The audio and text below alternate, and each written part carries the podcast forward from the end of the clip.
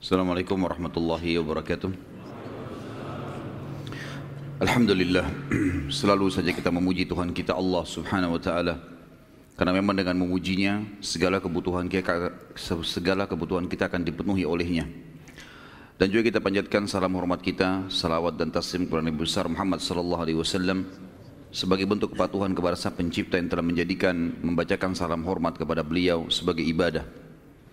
Saudaraku seiman kita akan lanjutkan bahasan kita Sirah Nabawi dan kita akan melanjutkan bahasan yang tadi pagi atau tadi siang tepatnya pada saat kita sudah selesai menutupnya tentang beberapa orang-orang Quraisy yang bertauhid yang bertauhid. Dan yang terakhir tadi kita bahas adalah surah Ad-Duha surah yang turun setelah terputusnya wahyu yang ketiga setelah surah Al-Mudathir surah Al-Muzammil kemudian surah Ad-Duha Sebelum kita masuk ke masalah dakwah Nabi Shallallahu Alaihi Wasallam sembunyi-sembunyi dan terang-terangan, memang seperti itu judulnya di dalam buku-buku sirah. Maka kita akan sebutkan dulu beberapa orang-orang Quraisy yang tidak ikut-ikutan sembah berhala. Jadi teman-teman sekalian, orang-orang Quraisy beriman kepada Allah sebagaimana sudah kita sebutkan tadi. Mayoritas mereka mengenal Allah Subhanahu wa taala. Tetapi mereka berbuat kemusyrikan. Mereka datangkan patung-patung yang diprakarsai oleh seseorang yang bernama Amr bin Luhai, kemudian turun-temurun dan mereka menjadikan patung itu sebagai perantara antara mereka dengan Allah, sementara patung itu benda mati. Maka Allah cap mereka sebagai orang-orang musyrik. Ada di antara Quraisy yang tidak ikut-ikutan sembah berhala. Tadi sempat ada yang bertanya kepada saya, cuman kata beliau Ustaz saya nggak bisa hadir malam, saya titip pertanyaannya.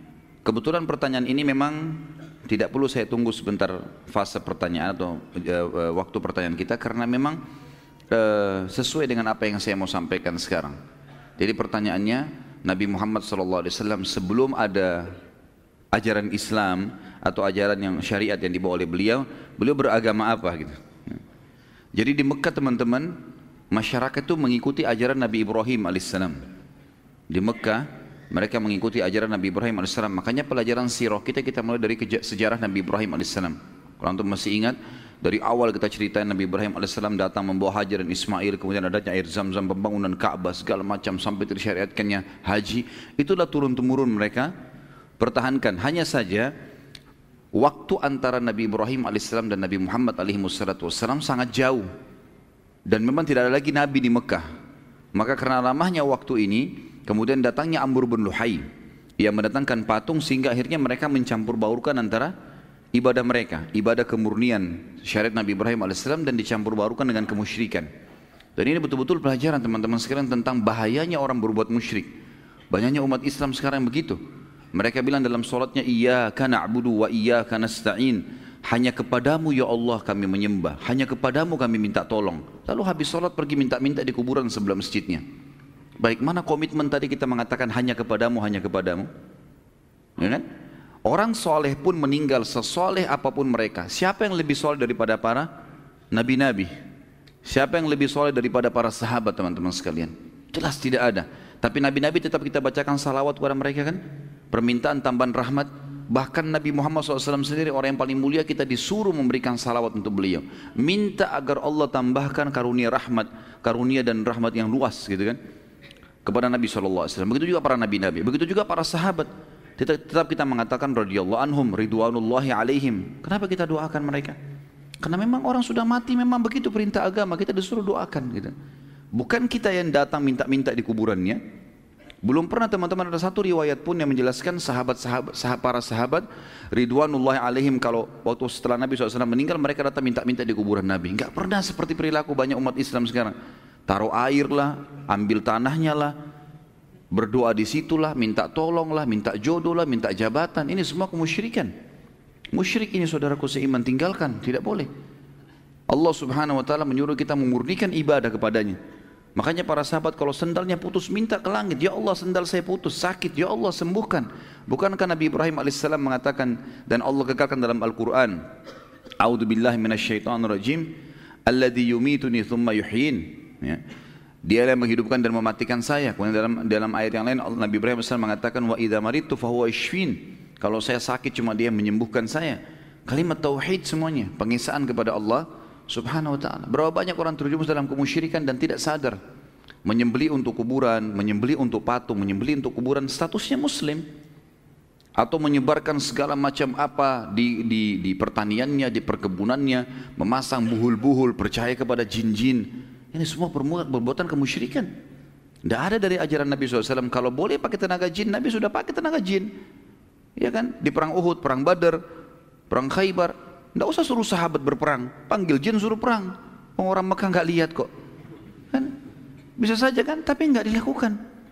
Karena memang itu bukan bagian dari syarat kita, tidak bisa kita lakukan. Jadi hati-hati dengan kemusyrikan teman-teman.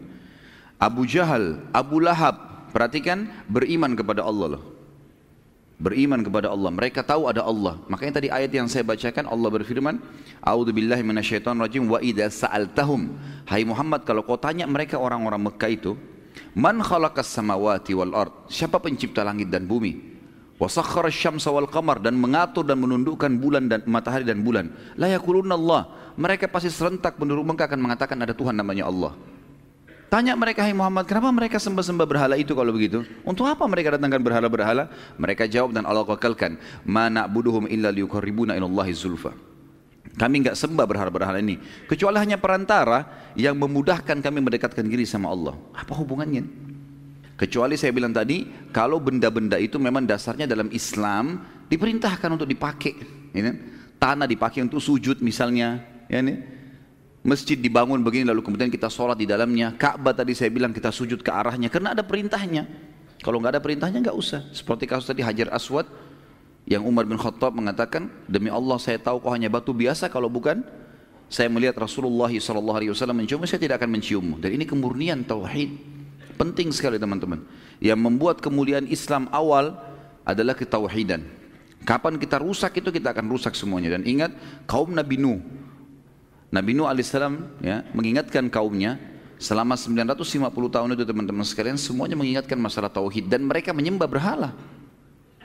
Akhirnya Allah binasakan mereka. Jadi ini harus digarisbawahi teman-teman sekalian. Baik. Di antara tokoh-tokoh Mekah ada beberapa orang yang masyhur disebutkan di dalam eh, buku-buku uh, sejarah. Kenapa empat, empat orang ya? Empat orang ini kenapa secara khusus disebutkan namanya? Karena empat orang ini uh, mereka memang meninggal sebelum masa kenabian. Sebenarnya ada selain mereka yang mentauhidkan Allah. Seperti Nabi Muhammad SAW, Abu Bakar tidak pernah sujud kepada berhala. Gitu kan? Tetapi Nabi SAW jadi Nabi. Abu Bakar beriman pada Nabi SAW. Khadijah juga tidak pernah ikut-ikutan sembah berhala. Tapi nanti mendapat fase kenabian dan beriman. Ya. Tapi empat orang ini, empat-empatnya dijamin oleh Nabi SAW masuk surga. Artinya ada penyebutan hadis tentang mereka di surga. Itu karena mereka mentauhidkan Allah di masa orang-orang Quraisy menyembah berhala.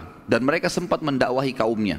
Jadi dia mereka masih menjaga kemurnian ajaran Ibrahim alaihissalam ada di antara mereka nanti juga yang mengikuti ajaran Nabi Isa alaihissalam. Baik, empat orang ini teman-teman sekalian adalah yang pertama Uthman bin Talha,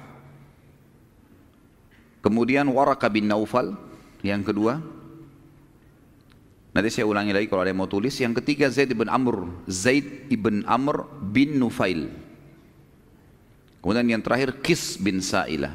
Yang pertama Uthman bin Talha, yang kedua Waraka bin Naufal, yang ketiga Zaid ibn Amr ibn Dufail, dan yang keempat Kis bin Sa'ilah. Saya akan sebutkan kisah ringkasnya keempat orang ini. Keempat orang ini teman-teman orang yang gelisah sekali di Mekah karena mereka sudah sepuh ya, sudah berumur dan mereka memang tidak pernah menyembah berhala. Mereka gelisah melihat orang tawaf telanjang, orang sembah berhala, orang makan bangkai, minum darah, segala macam. Di Mekah jahiliyah luar biasa mereka mengganti zikir-zikir dan doa kepada Allah dengan bersiul dan tepuk tangan. Ya, begitu mereka pada saat tawaf gitu kan.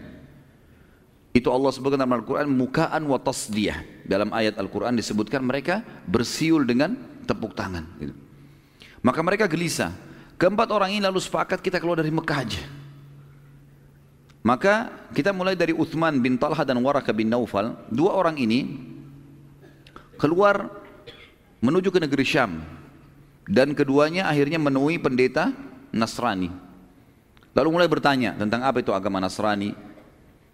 Pada saat itu dengan mengambil kesimpulan bahwasanya Nasrani mengimani ada Tuhan namanya Allah dan mereka mengatakan Isa datang setelah Ibrahim, maka berimanlah Waraka bin Naufal dengan Uthman bin Talha.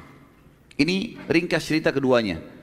Tentu Uthman bin Talha, saya pribadi tidak menemukan hadis menyebutkan tentang dia, tetapi Waraka bin Naufal ada, sebagaimana saya jelaskan tadi kasus setelah bertemu dengan Nabi SAW dan Nabi dia mengatakan, Hai Muhammad demi Allah yang menemui kau adalah Namusul Akbar, nama lainnya Jibril AS yang telah menemui Musa. Kalau seandainya saya mendapatkan masa kau nanti diobatkan jadi Nabi, sudah diperintahkan berdakwah maka aku akan jadi penolongmu. Nanti aku beriman padamu dan aku dan pada saat kaum mengeluarkanmu dari kota ini. Terus Nabi SAW menyebutkan pada saat Waraka bin Nawfal meninggal di masa enam bulan fase terputusnya wahyu, aku diperlihatkan Waraka bin Nawfal di surga. Kemudian kisah Zaid bin Amr bin Nufail. Ini agak unik sedikit kisahnya. Zaid bin Amr bin Nufail lebih kritis, orangnya lebih kritis. Ya. Dia kemudian menemui pendeta Nasrani, dia menemui pendeta Yahudi, bukan pendeta Nasrani. Dia pergi ke negeri Syam, yang dia tanya-tanya ke orang, siapa orang yang paling pintar di muka bumi, yang mengenal Allah. Maka simpang siur berita mereka mengatakan pendeta Yahudi. Ditanya orang Yahudi, siapa pendeta kalian yang paling luar biasa yang kalian anggap paling pintar? Ditunjuklah seseorang. Datanglah Zaid rahimahullah ke sana. Begitu ngobrol sama pendeta Yahudi, dia bilang jelaskan kepada saya agama anda. Dijelaskanlah Nabi Musa, kitab Taurat dan dan seterusnya macam-macam hukum Allah.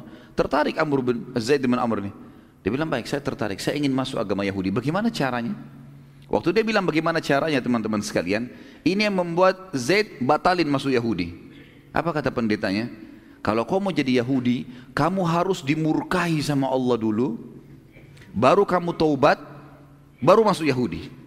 Kata Zaid bin Amr, saya tinggalkan Mekah karena takut dari murkahnya Allah. Ngapain saya sekarang nyari murkahnya Allah? Gitu. Hmm. Dia bilang itu syaratnya kalau mau Yahudi. Harus cari dulu masalah, biar Allah murkah, baru kau tobat. Kemudian baru bisa masuk agama Yahudi. Kata dia, saya tidak mau agama ini. Ada nggak orang yang pintar lain yang mengenal Allah selain anda? Dia bilang saya tidak tahu kecuali ya, kecuali pendeta Nasrani. Karena mereka mengaku ada nabi setelah Musa. Baik di mana tempat mereka ditunjuklah beberapa gereja. Pergilah Zaid bin Amr ini ke gereja. Tanya Nasrani, siapa pendeta yang paling pintar? Si fulan didatangilah pendeta itu. Tanya-tanya Nasrani, ternyata memang informasinya lebih lengkap. Karena orang-orang Nasrani beriman tentang Musa, tapi ada nabi lagi setelahnya namanya Isa. Mereka beriman ada Taurat, mereka beriman ada kitab setelahnya namanya Injil. Berarti ini lebih sempurna. Apa hukum-hukum dijelaskan semua. Baik setelah itu saya mau masuk agama Nasrani. Jawabannya pendeta Nasrani juga membuat dia tidak jadi masuk Nasrani. Apa jawabannya? Waktu ditanya bagaimana caranya masuk Nasrani, kata pendeta itu dalam riwayat ini, kamu harus sesat dulu. Setelah kamu sesat, gitu kan? Kemudian kau taubat baru jadi Nasrani. Kata dia, saya tinggalkan Mekah supaya nggak sesat. Ngapain saya harus sesat sekarang gitu? Dia bilang itu syaratnya. Kata Zaid, saya tidak mau kalau begitu. Agama apa yang mengenal Allah yang kau kenal, yang kau tahu? Dia bilang saya tidak tahu. Yang saya tahu cuma ada satu namanya agama Hanif. Apa itu agama Hanif? Agamanya Nabi Ibrahim alaihissalam. Kan Allah sebutkan Hanifah Muslimah. Ya, itu Ibrahim alaihissalam punya Hanif. Hanif itu agama lurus, mentauhidkan Allah. Pokoknya nggak ada sekutunya Allah. Allah itu Esa. Dan ini memang ajaran murni gitu kan. Lalu kata Zaid, bagaimana caranya? Siapa yang saya temui untuk saya belajar? Kata pendeta itu, tidak ada lagi. Nggak ada orang. Saya pun tidak tahu itu. Itu dulu agama di Mekah gitu. Maka Zaid bin Amr pun kembali ke Mekah teman-teman sekalian. Lalu dia mengatakan di tengah jalan, Ya Allah, aku bersaksi dan engkau menjadi saksinya bahwasanya aku menganut agama Ibrahim alaihissalam aku beragama Hanif. Gitu kan. Aku akan menyembah Allah tidak menyekutukannya dengan tidak menyembah berhala, tapi aku tidak tahu bagaimana caranya beribadah ya Allah. Pandulah aku. Jadi dia tidak tahu bagaimana caranya. Maka yang dia lakukan adalah dia coba selalu mencari jalan untuk memurnikan hubungan kepada Allah. Misal, dia kalau lagi begitu masuk, begitu masuk, seperti sabda Nabi SAW menceritakan tentang keadaannya Zaid bin Amr ini. Waktu Nabi belum jadi Nabi ya. Beliau mengatakan, aku melihat Zaid bin Amr bersandar pada dinding Ka'bah setiap hari.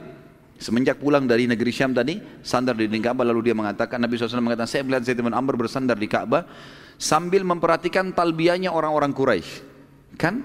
Kalau masih review teman-teman, pelajaran kita yang lalu, talbiyah yang syar'i dari Nabi Ibrahim AS dan Nabi Muhammad SAW juga ajarkan kita adalah labbaik Allahumma labbaik. Ya Allah aku jawab panggilanmu dengan santun. Labbaik la syarika laka labbaik. Saya jawab panggilanmu dengan santun dan tidak ada sekutu bagimu. Innal hamda wan ni'mata laka wal mulk. Segala puji nikmat dan kerajaan milikmu la syarika lak. Tidak ada sekutu bagimu. Ini tepat ini. Ini namanya talbiyah tauhid. Pengisahan Allah tanpa sekutu. Amr bin Luhai Waktu dia lihat orang Mekah bertalbiah begini, dia sudah terlanjur masukkan patung-patung dan dia bilang ini patung-patung perantara antara kalian sama Allah. Bagaimana caranya supaya orang Mekah mau ubah talbiah? Susah. Ini sudah turun temurun dari zaman Ibrahim alaihissalam. Maka dia tambah kalimat syirik. Kalimatnya adalah illa syarikan huwalak tamlikuhu wa ma malak. Naudzubillah. Artinya kecuali sekutu ya Allah. Ada sekutu yang kami taruh-taruh patung ini jadi sekutumu. Yang kau juga menguasainya dan kau pemiliknya. Tapi tetap kalimat illa syarikan kecuali sekutu. Ada sekutu yang disekutukan sama Allah. Maka Zaid bin Amr kata Nabi SAW berteriak pada saat mereka sudah mengatakan sampai kalimat labbaik Allahumma labbaik labbaik la syarika lak labbaik innal hamda wan ni'mata lak wal mulk la syarika lak. Pas di situ sebelum mereka tambah kalimat syiriknya illa syarikan huwalak dia berteriak cukup cukup jangan disambung. Selalu dia berkata begitu. Berhentilah. Lalu orang-orang Quraisy melempari dia dengan batu. Menyuruh Zaid bin Amr rahimahullah untuk meninggalkan tempat itu. Dia juga tidak cukup sampai dia tetap aja, tetap aja tidak jangan bertauhidlah kepada Allah. Ini ajaran Nabi Ibrahim, harus hanif, lurus, nggak boleh gitu. Jadi dia coba cari celah di mana yang ada kalimat syirik, maka dia tinggalkan sama dia. Begitu juga dengan orang-orang Quraisy, mereka suka datang membawa sembelihan-sembelihan, lalu kemudian mereka uh, apa namanya menyembeli untuk patung-patung itu. Ada di antara mereka teman-teman yang menggunakan nama Allah gitu kan? Pada saat mau menyembeli, mereka menggunakan nama Allah, tapi untuk berhala. Tapi untuk berhala, gitu kan?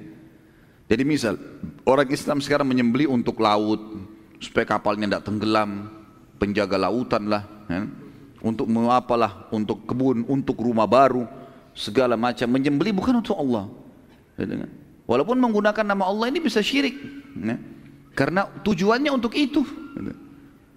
Bukan untuk yang bukan untuk Allah SWT murni. Maka Zaid bin Amr berdiri dekat mereka. Jangan sembeli untuk patung-patung ini. Sembelihlah. Allah yang menciptakan hewan-hewan ternak itu kalian nikmatin. Kenapa kalian menyembeli untuk berhala? Dan mereka habis disembeli, mereka nggak makan daging itu. Dagingnya dibuang aja di situ. Sampai membusuk di dekatnya berhala itu. Jelas-jelas patung nggak bisa makan. Ya rusaklah dagingnya. Gitu kan? Tapi begitu yang mereka lakukan. Tapi Zaid bin Amr terus mengingatkan. Terus mengingatkan. Sampai akhirnya Zaid bin Amr ini meninggal, dia wafat lima tahun sebelum penobatan Nabi SAW jadi Nabi.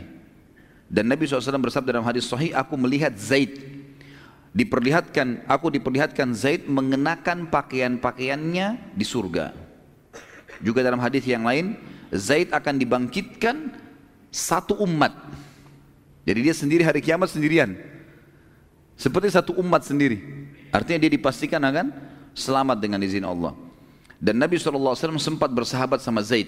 Karena Nabi SAW juga tidak sembah berhala. Tapi waktu itu belum ada perintah syariat. Belum diobatkan jadi Nabi. Gitu kan. Yang terakhir yang keempat teman-teman sekalian adalah Kisi bin Sa'ilah. Kisi bin Sa'ilah juga orang yang bertauhid dan tidak syirik. Dan dia lebih dulu berdakwah daripada Zaid bin Amr, daripada Uthman bin Talha, daripada Waraka bin Naufal. Kalau Uthman bin Talha dan Waraka bin Naufal, mereka tidak mendakwakan agama Nasrani di Mekah. Mereka cuma ambil buat diri mereka sendiri. Gitu kan. Kalau uh, Zaid bin Amr mereka, dia menjalankan agama Ibrahim alaihissalam dan uh, apa namanya uh, Kis bin Sa'ilah juga bertauhid. Tapi dia tidak menyatakan dia tidak menyatakan agama apa yang dia pegangi. Dia cuma berjalan dengan apa yang sudah dianggap bagian daripada syariat Ibrahim alaihissalam di Mekah. Karena dia sering melakukan atau melarang orang-orang menyembah berhala, menyembelih seperti Zaid bin Amr tadi, maka dia diusir dari Mekah. Waktu dia diusir dari Mekah, maka dia pun hidup di padang pasir. Dalam beberapa asar disebutkan kalau Kisi bin Sa'ila ini orangnya sangat dewasa, bijaksana dan kadang-kadang orang Makkah kalau punya masalah bertanya kepada dia. Saking seringnya dia hidup di padang pasir dan sendirian, sendirian, maka dia hidup bersama dengan uhush dalam bahasa Arab dalam buku-buku sirah atau sama hewan-hewan liar. Sampai dikatakan dalam salah satu kisah beberapa orang Mekah pernah mau bertanya sama dia minta pendapatnya, dia sedang minum di genangan air bersama singa-singa, gitu kan. Dan pada saat itu dia sempat memukul beberapa ekor singa sambil mengatakan berikan temanmu minuman. Ya. Jadi saking seringnya sudah hidup sama hewan-hewan ini. Dia tinggal dua dari Mekah. Itu yang dinukil daripada atau dari dari kisah-kisah bin Sa'ilah. Dan juga ini sama dengan Uthman bin Talha yang tidak disebutkan atau tidak saya temukan. Saya pribadi ya bahwasanya Nabi SAW bersabda mereka di surga. Tapi yang dua tadi jelas-jelas ada hadisnya.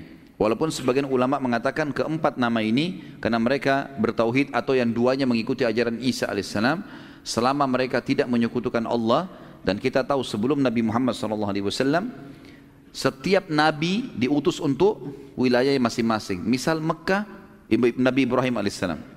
Penduduk Mekah Walaupun di sana keluar Isa di Bani Israel, mereka cukup ikuti namanya ajaran Nabi Ibrahim alaihissalam. Mereka nggak perlu ikutin Injil. Tapi kalau ada di antara mereka yang mau pergi ke negeri Syam beriman, itu nggak ada masalah. Mereka ikuti syariatnya karena nabi-nabi sebelum Nabi Muhammad SAW khusus untuk wilayahnya saja. Jadi kalau orang wilayah itu beriman pada nabi itu, jalankan syariatnya sudah cukup. Kecuali Nabi Muhammad SAW, begitu beliau datang, seluruh dunia ini harus beriman. Nggak ada lagi wilayah yang terpilah-pilah. Masih ingat saya pernah cerita? Nabi Musa AS sezaman dengan Nabi Khidir. Beda masing-masing punya syariat. Kemudian ada Nabi Shu'aib, mertuanya Nabi Musa AS. Beda. Di Madian dengan Nabi Musa AS di Palestina dan Mesir. Kita tahu Nabi Isa zaman dengan sepupunya sendiri Nabi Yahya. Masing-masing punya hukum. Nabi Yahya AS punya hukum sendiri gitu kan.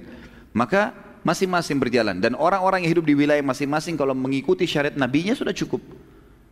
Tapi mereka harus mengimani keberadaan nabi-nabi yang lain. Cuma penerapan hukum seperti itu. Makanya tadi kalau ada yang bertanya, misal bagaimana Waraka bin Nawfal bisa masuk masuk surga sementara dia menganut agama Nasrani? Karena memang dia punya hak pada saat itu. Pada saat itu orang bisa mendatangi wilayah di mana ada nabi lalu dia beriman padanya, menjalankan syariatnya. seperti itulah sebelum Nabi sallallahu alaihi wasallam. Baik. Sekarang kita teman-teman masuk ke masalah fase dakwah. Karena tadi sudah kita terangkan ada surah Al-Muzzam, ada Muddathir, ada Muzammil. Kan jelas ayatnya ya. Hai orang yang berselimut, bangunlah. Nah, disuruh Nabi SAW menyampaikan dakwah. Turunlah beberapa hukum-hukum syariat. Walaupun teman-teman sekalian fase dakwah Nabi SAW dua, 13 tahun di Mekah dikenal dengan fase Makkiyah dan ada 10 tahun di mana dengan dikenal dengan fase Madinah. Ya, kalau ayat dikatakan ayat Makkiyah dan ayat Madaniyah. Ya, kalau teman-teman baca dalam Al-Quran terjemahan ada ayat-ayat Makkiyah maksudnya ayat yang dari kota turun di kota Mekah dan atau fase Mekah dan ayat-ayat Madaniyah berarti yang turun di Madinah. Umumnya ayat-ayat Al-Quran yang turun di Mekah itu berisi tentang kisah-kisah umat sebelum kita. Kan? Kisah-kisah tentang surga dan neraka, siksa kubur. Gitu. Ini semua isinya itu, peringatan-peringatan seperti ini. Jadi belum mencakup hukum-hukum syar'i. Kecuali sebagian kecil. Kalau ayat-ayat Madaniyah yang di Madinah itu semuanya hukum. Hukum. Seperti kita tahu tahun 2 Hijriah nanti kita pelajari tahun 2 Hijriah mulai ada puasa Ramadan, mulai ada perintah-perintah jihad ya. Mulai ada perintah di di pasar Madinah haji ya, dan umroh sesuai dengan syariat Allah Subhanahu wa taala. Jadi banyak yang terjadi di hukum-hukum Madinah itu. Baik, kita mulai dengan dakwah sembunyi-sembunyi dan kita insya Allah juga akan terangkan dakwah terang-terangan. Setelah turun surah Muzammil, Nabi SAW mulai berdakwah dan pada paling awal beliau dakwahi adalah istrinya tercinta Khadijah radhiyallahu anha dan Khadijah tidak ragu kemudian langsung menerima Islam dan ia wanita pertama yang menganut Islam. Kemudian Nabi SAW mendatangi Anak angkatnya tadi saya sempat singgung namanya Zaid bin Harithah ya, atau sahayanya. Beliau seorang budak yang dihadiahkan Khadijah radhiyallahu anha untuk Nabi SAW pada saat menikah. Sebelum Zaid bebas, sebelum sebelum masuk dalam keterbudakan, tadi kalau masih ingat ceritanya, beliau adalah anak kepala suku, gitu kan? Dan anaknya ber, ayahnya bernama Haritha. Kemudian Haritha, suku Haritha dan suku lain berperang, lalu kemudian kalah. Pada saat kalah, Zaid ditawan oleh musuh kemudian diperjualbelikan di pasar sampai tiba di pasar Mekah dibeli oleh Khadijah Khadijah hadiahkan kepada Nabi Shallallahu Alaihi Wasallam Haritha mendengar cari tahu anaknya di mana sampai mendengar kalau itu ada di tangan Nabi Wasallam di tangan seorang tokoh Mekah namanya Muhammad belum Nabi jadi Nabi ini kan Kemudian dia datang dan berkata, Hai Muhammad, anak saya Harith, uh, Zaid ini adalah orang yang bebas, bukan budak. Berapapun kau minta tebusannya, saya akan bayar. Karena dia orang bebas dulu, suku saya berperang dan kalah. Kata Nabi SAW, tidak usah bayar. Tanya Zaid, kalau Zaid pilih kamu, silahkan dia bebas. Kalau dia pilih saya, kau harus bisa menerimanya. Kata Haritha, baiklah. Datanglah kepada, uh, kata dia, sangat bijaksana. Lalu dia datangi anaknya. Hai Zaid, Tinggal kau pilih saja ayahmu, kau akan kembali kepada sukumu, kau akan menjadi pengganti ayahmu menjadi kepala suku. Muhammad sangat bijaksana. Atau kau pilih Muhammad tetap dalam keterbudakan. Kata dia, tidak demi Allah, aku tidak akan pernah mendahulukan atau mengedepankan siapa pun atas Muhammad. Dalam riwayat lain dikatakan, aku tidak akan mendapatkan siapa pun yang berperilaku seperti baiknya Muhammad padaku. Jadi sampai kebaikan ayahnya pun dia lupakan, gitu kan? Karena baiknya Nabi SAW dan ulama mengatakan ini tentu ada hikmah-hikmah syar'i. Ya. Ada hikmah syar'i ini bukan masuk dalam bab durhaka dengan orang tua tidak. Karena Zaid bukan niat durhaka. Zaid niat untuk e, menerima pilihan dari ayahnya. Ikut sama Muhammad tetap budak atau kau ikut saya menjadi anak kepala suku. Jadi dia tidak dia tidak menolak ayahnya, tapi dia disuruh pilih. Maka dia lebih memilih tinggal bersama Nabi SAW. Dari semenjak kisah itu maka Zaid diganti namanya dari Zaid bin Harithah menjadi Zaid bin Muhammad sampai turun firman Allah Subhanahu wa taala dalam surah Al-Ahzab surah nomor 33 ayat 40.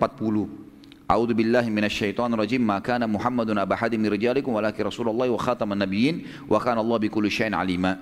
Muhammad bukanlah sekali-kali bapak seseorang di antara kalian tetapi dia adalah Rasulullah dan penutup para nabi-nabi dan Allah Maha mengetahui segala sesuatunya. Ayat tadi ini teman-teman melarang penisbatan nama selain ayah sendiri pada seseorang. Makanya Zaid dikembalikan namanya menjadi Zaid bin Harithah. Dan saya sudah sebutkan tadi, termasuk tidak boleh istri mengganti nama ayahnya. Walaupun ayah itu orang kafir. Walaupun ayah itu orang kafir. Kita tahu Abu Talib meninggal dalam keadaan kufur. Tapi Ali bin Nabi Talib. Gitu kan? Jelas tetap aja. Khattab, ayahnya Umar, setahu saya meninggal dalam keadaan kufur. Maka Umar bin Khattab tetap nisbat namanya. Dan banyak yang lain seperti itu. Banyak yang lain. Ya. Yang memang mereka meninggal dalam keadaan kufur tapi tidak ada penghapusan penisbatan nama. Karena itu kuasa Allah subhanahu wa ta'ala. Zaid bin Haritha tumbuh di rumah Nabi SAW dan pada saat perintah dakwah datang dia langsung beriman pada risalah Nabi SAW dan dialah sahaya pertama yang masuk Islam setelah tadi Khadijah adalah wanita pertama. Kemudian orang yang ketiga yang masuk Islam adalah sepupu Nabi SAW yang di uh, ambil oleh Nabi SAW tinggal di rumahnya namanya Ali bin Abi Thalib radhiyallahu anhu. Dan ini ada kisahnya sendiri. Nabi SAW dulu, sebagaimana saya ceritakan teman-teman pada saat Abdul Muttalib kakeknya meninggal di umur 8 tahun, maka Abu Talib mengambil Nabi SAW dan tinggal di rumahnya sampai menikah dengan Khadijah. Dari dari umur 8 tahun sampai umur 25 tahun tinggal bersama Abu Talib. Tetapi setelah dia berbisnis SAW di umur 21 tahun, beliau sudah mulai membantu pamannya. Sudah tidak lagi bergantung gitu kan. Dan ada cerita yang sampaikan kalau masih ingat. Baginda Nabi SAW adalah memiliki akhlak yang sangat mulia. Di rumah Abu Talib, Abu Talib karena sibuk mengurus dari suku Abdiddar mengurus Ka'bah, kalau dia punya uang sedikit dihabisin untuk mengurus Ka'bah gitu kan. Jadi dia miskin, dia nggak punya apa-apa. Jadi kalau siapin makanan, disiapin makanan, dikeroyokin sama anak-anaknya yang cukup banyak, maka Nabi SAW tidak ikut-ikutan, tidak pernah berebut makanan di situ. Akhirnya kata Abu Talib kepada istrinya, kalau kau siapin makan, buatkan sendiri buat Muhammad. Karena Muhammad tidak berebut sama mereka. Kadang-kadang Nabi SAW sampai berhari-hari kelaparan karena tidak dapat makanan. Nah untuk membalas jasa pamannya sekarang setelah beliau menikah, sudah punya kemampuan. Beliau mendatangi pamannya yang lain bernama Abbas. Yang nanti masuk Islam radhiyallahu anhu. Eh, ayahnya Abdullah, Abdullah bin Abbas ya. Dia mengatakan, wahai paman, kayaknya pamanku yang satu Abu Talib, kita tahu keadaannya. Anaknya banyak, keadaan ekonominya miskin Bagaimana kalau kita ambil anak-anaknya? Kita ambil anak-anaknya supaya anak-anaknya eh, apa meringankan bebannya Abu Talib. Kata Abbas pemikiran yang bagus. Abbas bilang saya, Muhammad SAW mengatakan saya ambil satu, anda ambil satu, siapa ambil satu keluarga keluarga bagi deh. Kita hidupkan. Tetap dia bertemu sama ayahnya tapi kita yang biayai hidupnya, tinggal serumah dengan kita. Maka pada saat itu mereka menyampaikan hajatnya kepada Abu Talib. Abu Talib mengatakan, kalau kalian meninggalkan untuk saya akil, akil ini anak tertuanya, maka yang lain silakan ambil, nggak masalah. Yang penting akil tinggal bersama saya. Maka Nabi SAW pun memilih Ali bin Abi Talib dan ini satu karunia yang besar sekali dari Allah yang maha tinggi dan maha pemurah untuk Ali radhiyallahu anhu. bagaimana dia hidup di rumah Nabi SAW, di rumah kenabian. Ya. Dan nanti Nabi SAW pun juga menikahkan dia dengan anak Nabi SAW Fatimah yang sudah masyhur tentunya.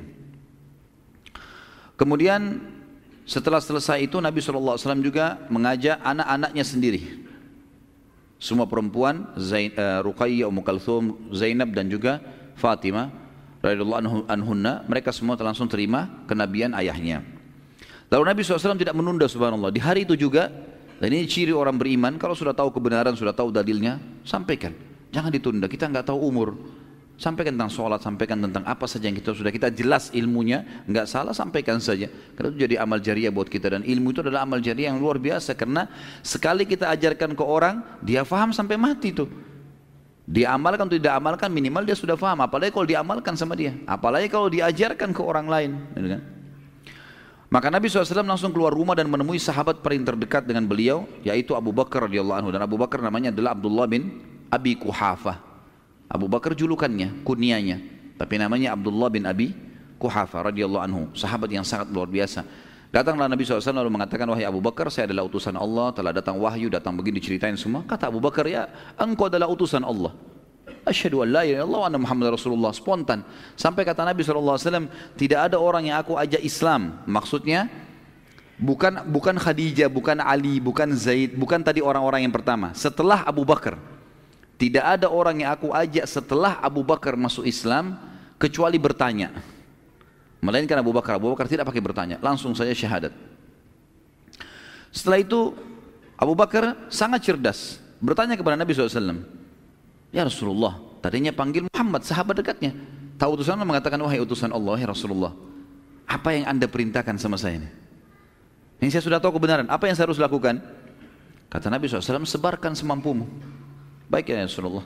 Keluar Nabi SAW dan Abu Bakar. Abu Bakar nggak pakai tunggu teman-teman. Hari itu juga. Keluar cari teman-teman dekatnya. Dan orang yang paling dekat dengan Abu Bakar adalah Uthman bin Affan. Datangi Uthman bin Affan. Hai Uthman begini-begini. Syahadat. Dan ini luar biasa ya. Berarti semua perbuatannya Uthman. Dari pertama syahadat sampai menjadi khalifah. Abu Bakar panen pahalanya. Ini perilaku yang luar biasa teman-teman. Jangan tunda. Teman-teman pedagang sudah tahu di pengajian, sebarkan pengajian itu di pasar. Yang kerja di kantor, sebarkan di kantor. Kalau mereka berubah mengerjakan teman-teman sekalian, maka itu luar biasa. Sebarkan ke keluarga. Kebaikan-kebaikan, jangan tunda. Jangan kasih peluang orang lain yang melakukannya. Karena kita membutuhkan itu. Jangan sibuk anak-anak kita terus sekolah yang kita andalkan. Antum punya andil apa? Gitu. Didik mereka, ajarkan mereka kebaikan-kebaikan. Jangan cuma sekolah kita andalkan. Karena kita juga butuh amal jariah dari mereka, gitu kan? Lalu setelah itu, tentu kita sudah tahu ya, Uthman punya banyak sekali hadis ya, di antaranya Nabi SAW mengatakan, tidakkah saya malu dengan laki-laki yang yang malaikat pun malu padanya? Itu Uthman bin Affan, karena luar biasa ibadahnya sampai sebagian ulama mengatakan karena Uthman bin Affan tidak pernah lihat kemaluannya sendiri. Apalagi lihat kemaluan orang lain. Jadi malaikat pun malu sama dia. Gitu kan? Sampai luar biasa begitu. Kemudian Uthman bin Affan juga yang pernah nanti kita akan pelajari insya Allah bagaimana dia membiayai peperangan-peperangan sampai kata Nabi SAW tidak ada lagi yang bisa menahan Uthman masuk ke surga setelah apa yang dilakukan hari ini. Berinfak luar biasa. Ada kisahnya saya sebutkan di YouTube tentang Uthman bin Affan radhiyallahu anhu. Tapi yang inti kita ingin titik beratkan semua pahala Uthman dipanen oleh siapa? Abu Bakar. Hanya dengan ngajak syahadat. Tidak ada ruginya. Tidak ada capeknya. Tidak ada biayanya. Gitu kan? Ajak syahadat. Nanti dia terima, tidak terima Ustaz, bukan urusan kita dia tidak terima. Sampaikan dulu. Ma'alaika illa al-balak. Tugasmu cuma sampaikan. Saya datang sini teman-teman, saya cuma sampaikan. Entah siapa di antara antum yang amalkan, Allahu alam. Yang amalkan, Alhamdulillah, akan jadi amal jariah buat saya gitu. Sampaikan saja. Baik, kemudian tidak berhenti sampai situ. Begitu Uthman bin Affan selesai, sudah syahadat sama Abu Bakar saya pamit ya, pergi ke rumah sebelah. Di sebelah rumahnya Uthman, ada sahabat yang mulia. Sahabat yang salah satu juga dijamin masuk surga. Zubair bin Awam. Terkenal dengan keberaniannya luar biasa dalam peperangan. Zubair bin Awam ini anaknya Sofia. Sofia tantenya Nabi. Ini sepupu Nabi sendiri loh. Kan gitu. Jadi bagaimana Abu Bakar jelinya mencari orang, orang-orang yang terdekat sama Nabi yang didatangin. Sebelum ada orang lain mendahuluinya. Abu Bakar bukan cari kerabat-kerabatnya, orang-orang yang terdekat dengan Nabi dulu. Sepupu-sepupunya Nabi datangi semuanya. Dan waktu itu Zubair bin Awam berumur 16 tahun. Anaknya Sofia, Sofia ini adalah tante Nabi SAW. Dan Zubair bin Awam sangat terkenal. Kalau dia ada di medan perang teman-teman sekalian, musuh sudah takut. Begitu ada Zubair, mereka tahu, mereka cari tahu siapa prajurit muslim yang paling kuat. Kalau sebut ada Zubair di sana mereka sudah ketakutan. Zubair suka bawa dua tongkat tajam ditaruh di pundaknya dua, gitu kan. Punya ciri khas warna. Dia kalau berhadapan musuh di medan perang, peperangan mana pun, Zubair ini selalu dia di depan. Ini musuh, dia di depan sini. Pasukan muslim di belakang ini. Sambil ngelihat mukanya musuh ini. Nah. Tunggu di belakang takbir, dia masuk serbu duluan. Sendirian. Sampai ke belakang pasukan musuh, dia kembali lagi. Mati terbunuh, mati syahid. Saking beraninya, luar biasa gitu. Sampai musuh ketakutan kalau dia ada, karena satu orang bisa ngocak acik macam-macam. Gitu kan. Seperti itulah. Dan yang panen pahalanya siapa? Abu Bakar. Karena dakwah, gitu kan. Karena sampaikan. Kemudian teman-teman sekalian, tidak cukup sampai situ dia mendatangi sahabat dekatnya Zubair. Juga satu jamin masuk surga.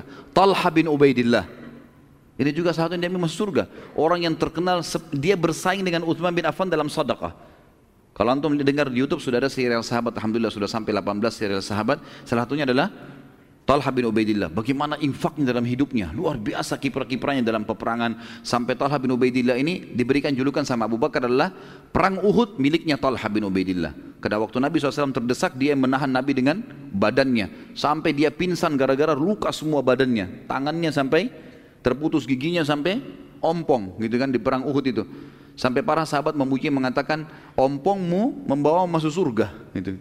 Lah ya, karena jatuh itu, jatuh giginya justru kena membela Nabi SAW. Dan mereka mengatakan Allah memberikan ketampanan pada Talha justru pada saat dia sudah ompong lebih tampan lagi. Nah iya, begitu dinukil dalam riwayat. Allah berikan begitu luar biasa. Ya. Sudah masuk Isya? Baik sebentar. Kemudian setelah Talha bin Ubaidillah masuk Islam, ini hari yang sama ya. Abu Bakar gak tunda nih. Juga dipanen pahalanya. Datang dia kepada sahabat yang mulia, salah satu juga yang jamin masuk surga. Sa'ad bin Abi Waqqas. Sahabat yang mulia luar biasa. Seluruh wilayah Persia takluk di tangannya Sa'ad bin Abi Waqqas. Seluruh wilayah Persia. Jadi Iran, Irak, Afghanistan, Rusia, semua itu teman-teman sekalian masuk Islam dengan perantara Sa'ad bin Abi Waqqas. Panen pahalanya luar biasa. Puluhan jutaan orang masuk Islam dan ulama-ulama kita tahu seperti Imam Abu Hanifah, di sana, ya kan? Kemudian kita tahu juga Imam Ahmad juga di sana di Irak. Kita tahu enam-enamnya ahli hadis, ya, Bukhari, Muslim, Abu Dawud, Tirmidzi, Ibnu Majah, Nasai, ini semua ada di negeri Persia sana. Imam Bukhari dari negeri Bukhara, Imam Muslim dari Nisabur, semuanya wilayah Rusia ini. Semuanya dipanen oleh pahalanya Sa'ad bin Waqqas dan yang membuat dia masuk Islam adalah Abu Bakar. Dan yang terakhir masuk Islam bidang Abu Bakar bukan terakhir ya. Pada hari itu saja masuk Islam seorang sahabat Nabi yang lain yang juga dijamin masuk surga, Abdurrahman bin Auf radhiyallahu anhu. Ini juga masuk Islam di tangannya Abu Bakar. Orang-orang yang besar-besar semua ini masuk Islam di tangannya hanya karena yakin, oh ya ini Rasulullah udah sampai langsung. Enggak ada keraguan sama sekali. Gitu. Seperti itulah yang luar biasanya maka Abdurrahman pun mengucapkan syahadat. Siapa yang tidak kenal Abdurrahman? Sampai Umar bin Khattab pada saat mau meninggal yang mengumpulkan enam orang sahabat yang tersisa di masuk surga, dia tunjuk Abdurrahman menjadi kandidat terkuatnya. Tapi dia nggak mau tunjuk Umar radhiyallahu tidak mau tunjuk Umar mengatakan, "Hai Abdurrahman, kau memimpin majlis untuk memilih kandidat khalifah setelahku, tapi kau pemimpin majlisnya." Dan pada saat itu pun Umar mengatakan, "Kalau Abdurrahman yang jadi saya setuju, setuju." Karena dia luar biasa percayanya dengan orang ini. Ini juga masuk Islam di tangan Abu Bakar radhiyallahu anhu. Kemudian teman-teman kita tutup dengan untuk sekarang ya sampai azan Isya saja ini. Dari kasus ini dapat diambil pelajaran bagaimana kecerdasan dan ke, ke, dan uh, uh, juga gagasannya dan ketegasan mas maaf ke, kejelian kecerdasan Abu Bakar radhiyallahu anhu dalam mendakwakan Islam sampai Rasulullah SAW akhirnya bersabda setelah itu bila ditimbang iman seluruh umat ini dengan imannya Abu Bakar iman umat ini ditimbangan semua kita ini. Semua sahabat semua tabiin semua ulama-ulama semua masyarakat awam yang sudah mati yang sekarang hidup yang akan lahir nanti. Semua umat ini sampai hari kiamat ditaruh imannya di satu timbangan dan iman Abu Bakar di timbangan sebelahnya tetap iman Abu Bakar lebih berat. Karena tidak ada ragu. Halal halal haram haram. Selesai. Hidupnya untuk itu sudah. Nggak ada bimbang, nggak ada ragu, benar nggak ya? Nggak ada sama sekali. Lalu kemudian kata Nabi SAW, demi Allah dalam hadis sahih, tidak ada seorang pun yang menginjakkan kakinya di muka bumi, di muka bumi ini lebih mulia setelah para nabi-nabi seperti Abu Bakar. Sampai ulama mulai kesimpulan bahwasanya setelah nabi-nabi, ya yang datang adalah Abu Bakar radhiyallahu anhu. Ini sahabat Nabi yang mulia. Jadi sahabat-sahabat Nabi Isa, sahabat Nabi Musa semuanya itu masih di bawahnya Abu Bakar radhiyallahu anhu karena beliau adalah sahabat Nabi SAW dan memang beliau adalah dipuji oleh Nabi SAW seperti ini. Dan tentu masih banyak sekali uh, apa namanya julukan-julukan yang diberikan oleh Nabi SAW yang akan kita lihat di ke depannya di antaranya adalah diberikan julukan As-Siddiq yang akan ceritakan atau kita ceritakan pada kisah Isra Mi'raj insya Allah. Mungkin begitu dulu kita sholat isya dan kita lanjutkan insya Allah setelahnya. Subhanakallahumma bihamdika. Asyhadu an la ilaha illallah astagfirullah atubu ilaih. Wassalamualaikum warahmatullahi wabarakatuh. Assalamualaikum warahmatullahi wabarakatuh. Alhamdulillah wassalatu wassalamu ala rasulillah. Segala puji bagi Allah subhanahu wa ta'ala juga salawat dan taslim besar Muhammad sallallahu alaihi wasallam. Kita sekalian kebahasan tentang dakwah terang-terangan dakwah terang-terangan. Kita pindah teman-teman sekalian di subjudul yang lain setelah berjalan beberapa waktu, tapi saya pribadi tidak menemukan beberapa bulan, beberapa hari kah jaraknya ini, tapi yang jelas Allah Subhanahu wa taala memerintahkan setelahnya baginda Nabi sallallahu alaihi wasallam yang disebutkan dalam surah Al-Hijr surah nomor 15 ayat 94 sampai 99. Surah ini menjelaskan tentang perintah Allah yang Maha Tinggi dan Maha Pemurah untuk menjelaskan atau menyampaikan agama kepada seluruh masyarakat Mekah bahkan keluar dari Mekah sekalian bunyinya a'udzubillahi minasyaitonirrajim fasda' bima tu'mar wa a'rid 'anil musyrikin inna kafainakal mustahzi'in alladhina yaj'aluna ma'allahi ilahan akhar fasawfa ya'lamun ولقد نعلم أنك يضيق أنك يضيق صدرك بما يقولون فسبح بحمد ربك وكن من الساجدين واعبد ربك حتى يأتيك اليقين Sampaikanlah hai Muhammad Fasda' itu perintah Kata Amr Sekarang kau sampaikan hai Muhammad Secara terang-terangan Segala apa yang diperintahkan kepadamu Dan berpalinglah dari orang-orang musyrik Yang tidak mau menerima Tinggalkan saja Yang penting kamu selalu sampaikan tidak usah khawatir kamu disakiti atau kamu diganggu. Sesungguhnya kami akan memelihara kamu dari kejahatan orang-orang yang mengolok-olokmu. Yaitu orang-orang yang menganggap ada Tuhan yang lain di samping Allah atau menyekutukan Allah. Maka mereka kelak akan mengetahui akibat perbuatan mereka. Dan kami sungguh-sungguh mengetahui bahwa dadamu menjadi sempit disebabkan apa yang mereka ucapkan. Dan sebagian ulama tafsir mengatakan ini adalah informasi tentang para da'i. Kalau pada saat mereka ceramah, ada saja orang yang terima, ada saja orang yang nolak. Kalau Nabi SAW begitu pastilah. Ya. Tidak semua orang itu 100% bisa diterima gitu. Kecuali dengan orang-orang yang berakal yang memang tahu seperti kita tahu kasus para sahabat Ridwanullah alaihim yang memang hatinya bersih, pikirannya jernih. Mereka langsung menerima dakwah Nabi SAW. Tapi seperti Abu Jahal, Abu Lahab yang jelas-jelas tokoh-tokoh masyarakat, orang kaya, pinter, tapi nolak. Subhanallah, ada saja yang nolak. Dan kami sungguh-sungguh kata Allah SWT mengetahui bahwa dadamu menjadi sempit disebabkan apa yang mereka ucapkan, maka bertasbihlah. Balas itu dengan zikir kepada Allah dan dengan memuji Tuhanmu dan jadilah kamu di antara orang-orang yang sujud, selalu sholat. Tidak usah pedulikan dengan hal-hal seperti itu. Dan sembahlah Tuhanmu sampai kematian datang kepadamu. Karena ayat inilah turun di malam hari, baginda Nabi SAW pada keesokan harinya naik ke atas bukit Abi Kubais. Bukit Abi Kubais adalah sebuah bukit memang khusus untuk mengiklankan informasi di Mekah.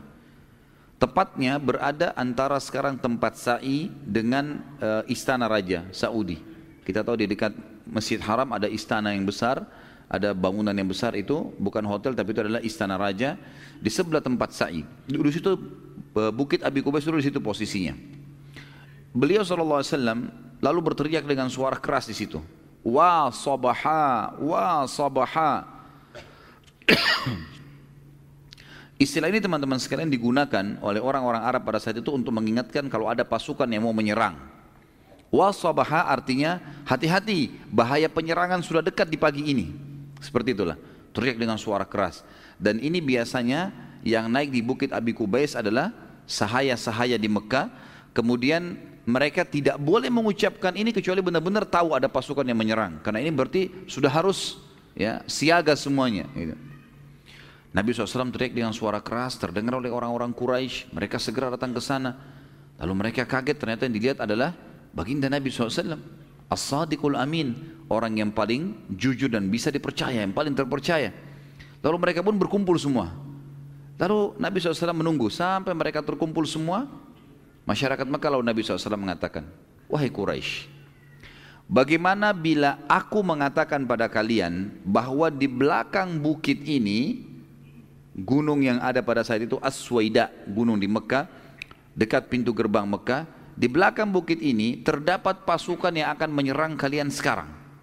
Apakah kalian percaya dengan saya? Atau percaya dengan aku? Serentak semuanya mengatakan, semuanya berkata pada saat itu, tentu.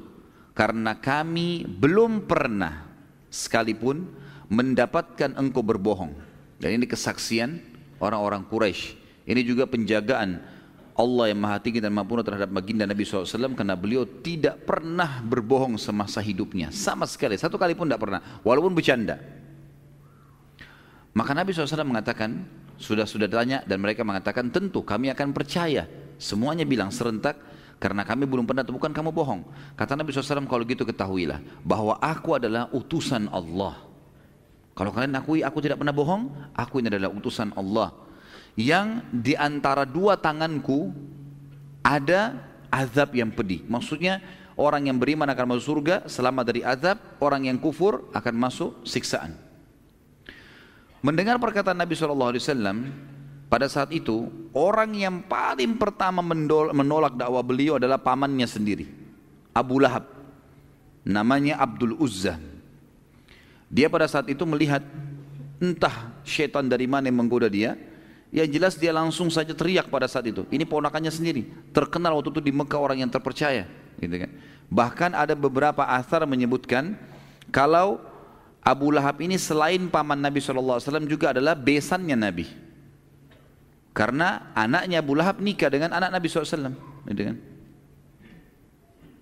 Maka Ruqayyah atau Ummu salah satunya menikah dengan anak Abu Lahab yang akhirnya Abu Lahab suruh ceraikan setelah mengetahui kalau Nabi SAW diutus menjadi Nabi. Malah seperti saking bencinya. Entah syaitan dari mana kata para ulama yang telah merasuki Abu Lahab sampai seperti ini. Padahal dia tidak ada ruginya kalau dia beriman.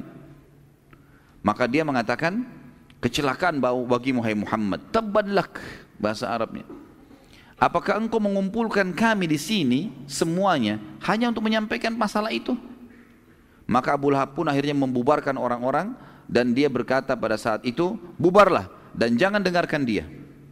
Lalu dia sepakat sama istrinya untuk meletakkan duri di jalan yang Nabi SAW lewati supaya jangan berdakwah. Bayangkan ya, tidak ada sebab loh ini.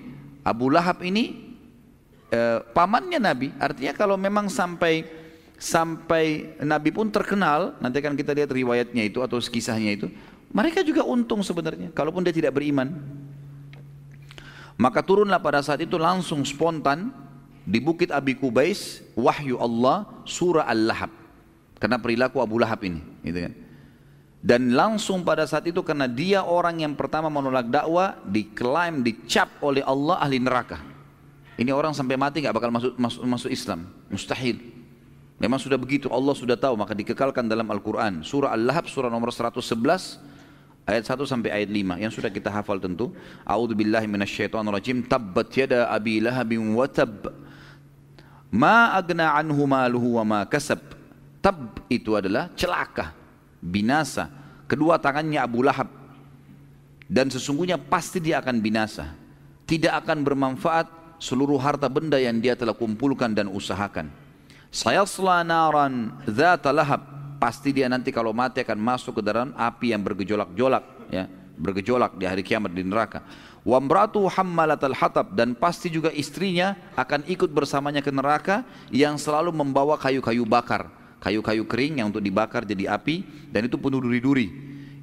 Fi jidiha hablum mim masad yang di lehernya si perempuan itu ada tali dari sabut. Jadi dia membawa potongan-potongan pohon yang berduri ditaruh di, di jalan Nabi SAW lalu dia bawa sabut sabut itu tujuannya dia bakar, kemudian jadi api, lalu kemudian ditaruh di duri-duri itu sehingga Nabi SAW tidak bisa lewat dalam berdakwah. Jadi tidak ada sebab ini. Hanya karena Nabi SAW mengatakan saya seorang Nabi. Hanya itu. Orang Mekah itu tidak nolak ya. Ya nolak cuma Abu Lahab sama istrinya nih. Nabi SAW pada saat itu karena diperintahkan oleh Allah SWT untuk mendakwakan Islam ini, turun firman Allah setelah itu, setelah menyampaikan ke masyarakat Mekah, fokus sekarang hai Muhammad ke kerabatmu juga, panggil mereka semua. Semua kerabatmu dakwahi. Turun firman Allah langsung waktu itu dalam surah Asy-Syu'ara, surah nomor 26 ayat 214. Satu ayat saja turun, A'udzu billahi minasyaitonir wa anzir ashiratakal aqrabin. Sekarang hai Muhammad berikan peringatan kerabat-kerabat terdekatmu. Maka beliau SAW mengumpulkan kerabatnya dari keturunan Abdul Muttalib pada saat itu. Di rumah beliau SAW, di rumahnya yang bersama dengan Khadijah. Sebelum beliau SAW bicara, waktu sudah kumpul semua kerabatnya, diundang Nabi SAW siapin makanan, undang mereka. Rencananya habis makan mau disampaikan. Abu Lahab datang juga waktu itu. Datang orang ini, belum Nabi SAW bicara, baru datang. Orang sudah kumpul semua langsung dia bilang, Hai Muhammad, bila engkau mengumpulkan kami untuk menyampaikan agamamu yang kemarin kau sampaikan, maka jangan kau bicara. Ini perasaan dia seorang paman, maka harus ponakannya dengar. Nah, ini satu hal yang buruk ya. Nah, banyak orang begitu. Ada orang tua, ada paman, kadang-kadang walaupun ponakannya itu benar atau anaknya benar dia nggak mau dengar. Ini kebodohan ini ya. Tidak benar seperti ini. Harusnya kita bijaksana kalau itu benar walaupun dari lisan anak kecil kita harus dengar. Mungkin mungkin seseorang minum berdiri lalu anaknya mengatakan ayah jangan minum berdiri. Benar. Oh ya nak terima kasih. Mestinya begitu. Ah kamu anak kecil ngerti apa? Tidak boleh. Menolak kebenaran. Gitu kan? Ini bahaya ya. Tidak boleh sama sekali. Abu Lahab begitu prinsipnya. Dia menganggap Nabi SAW ponakan. Ponakan berarti harus lebih di bawah. Mau lebih pintar, mau apa nggak penting. Gitu. Maka dia ribut. Nabi SAW pun akhirnya melihat kejadian tersebut, Nabi, Nabi tidak mau bicara. Sudahlah, silakan makan, makan semuanya. Habis makan bubar. Nabi SAW akhirnya mengundang beberapa hari lagi kemudian seluruh kerabat kecuali Abu Lahab. Hmm. Dalam buku itu. Semua datang silakan dikirimin undangan kecuali orang ini, jangan diundang. Waktu semuanya datang, habis makan, Abu Lahab nggak tahu berita nih.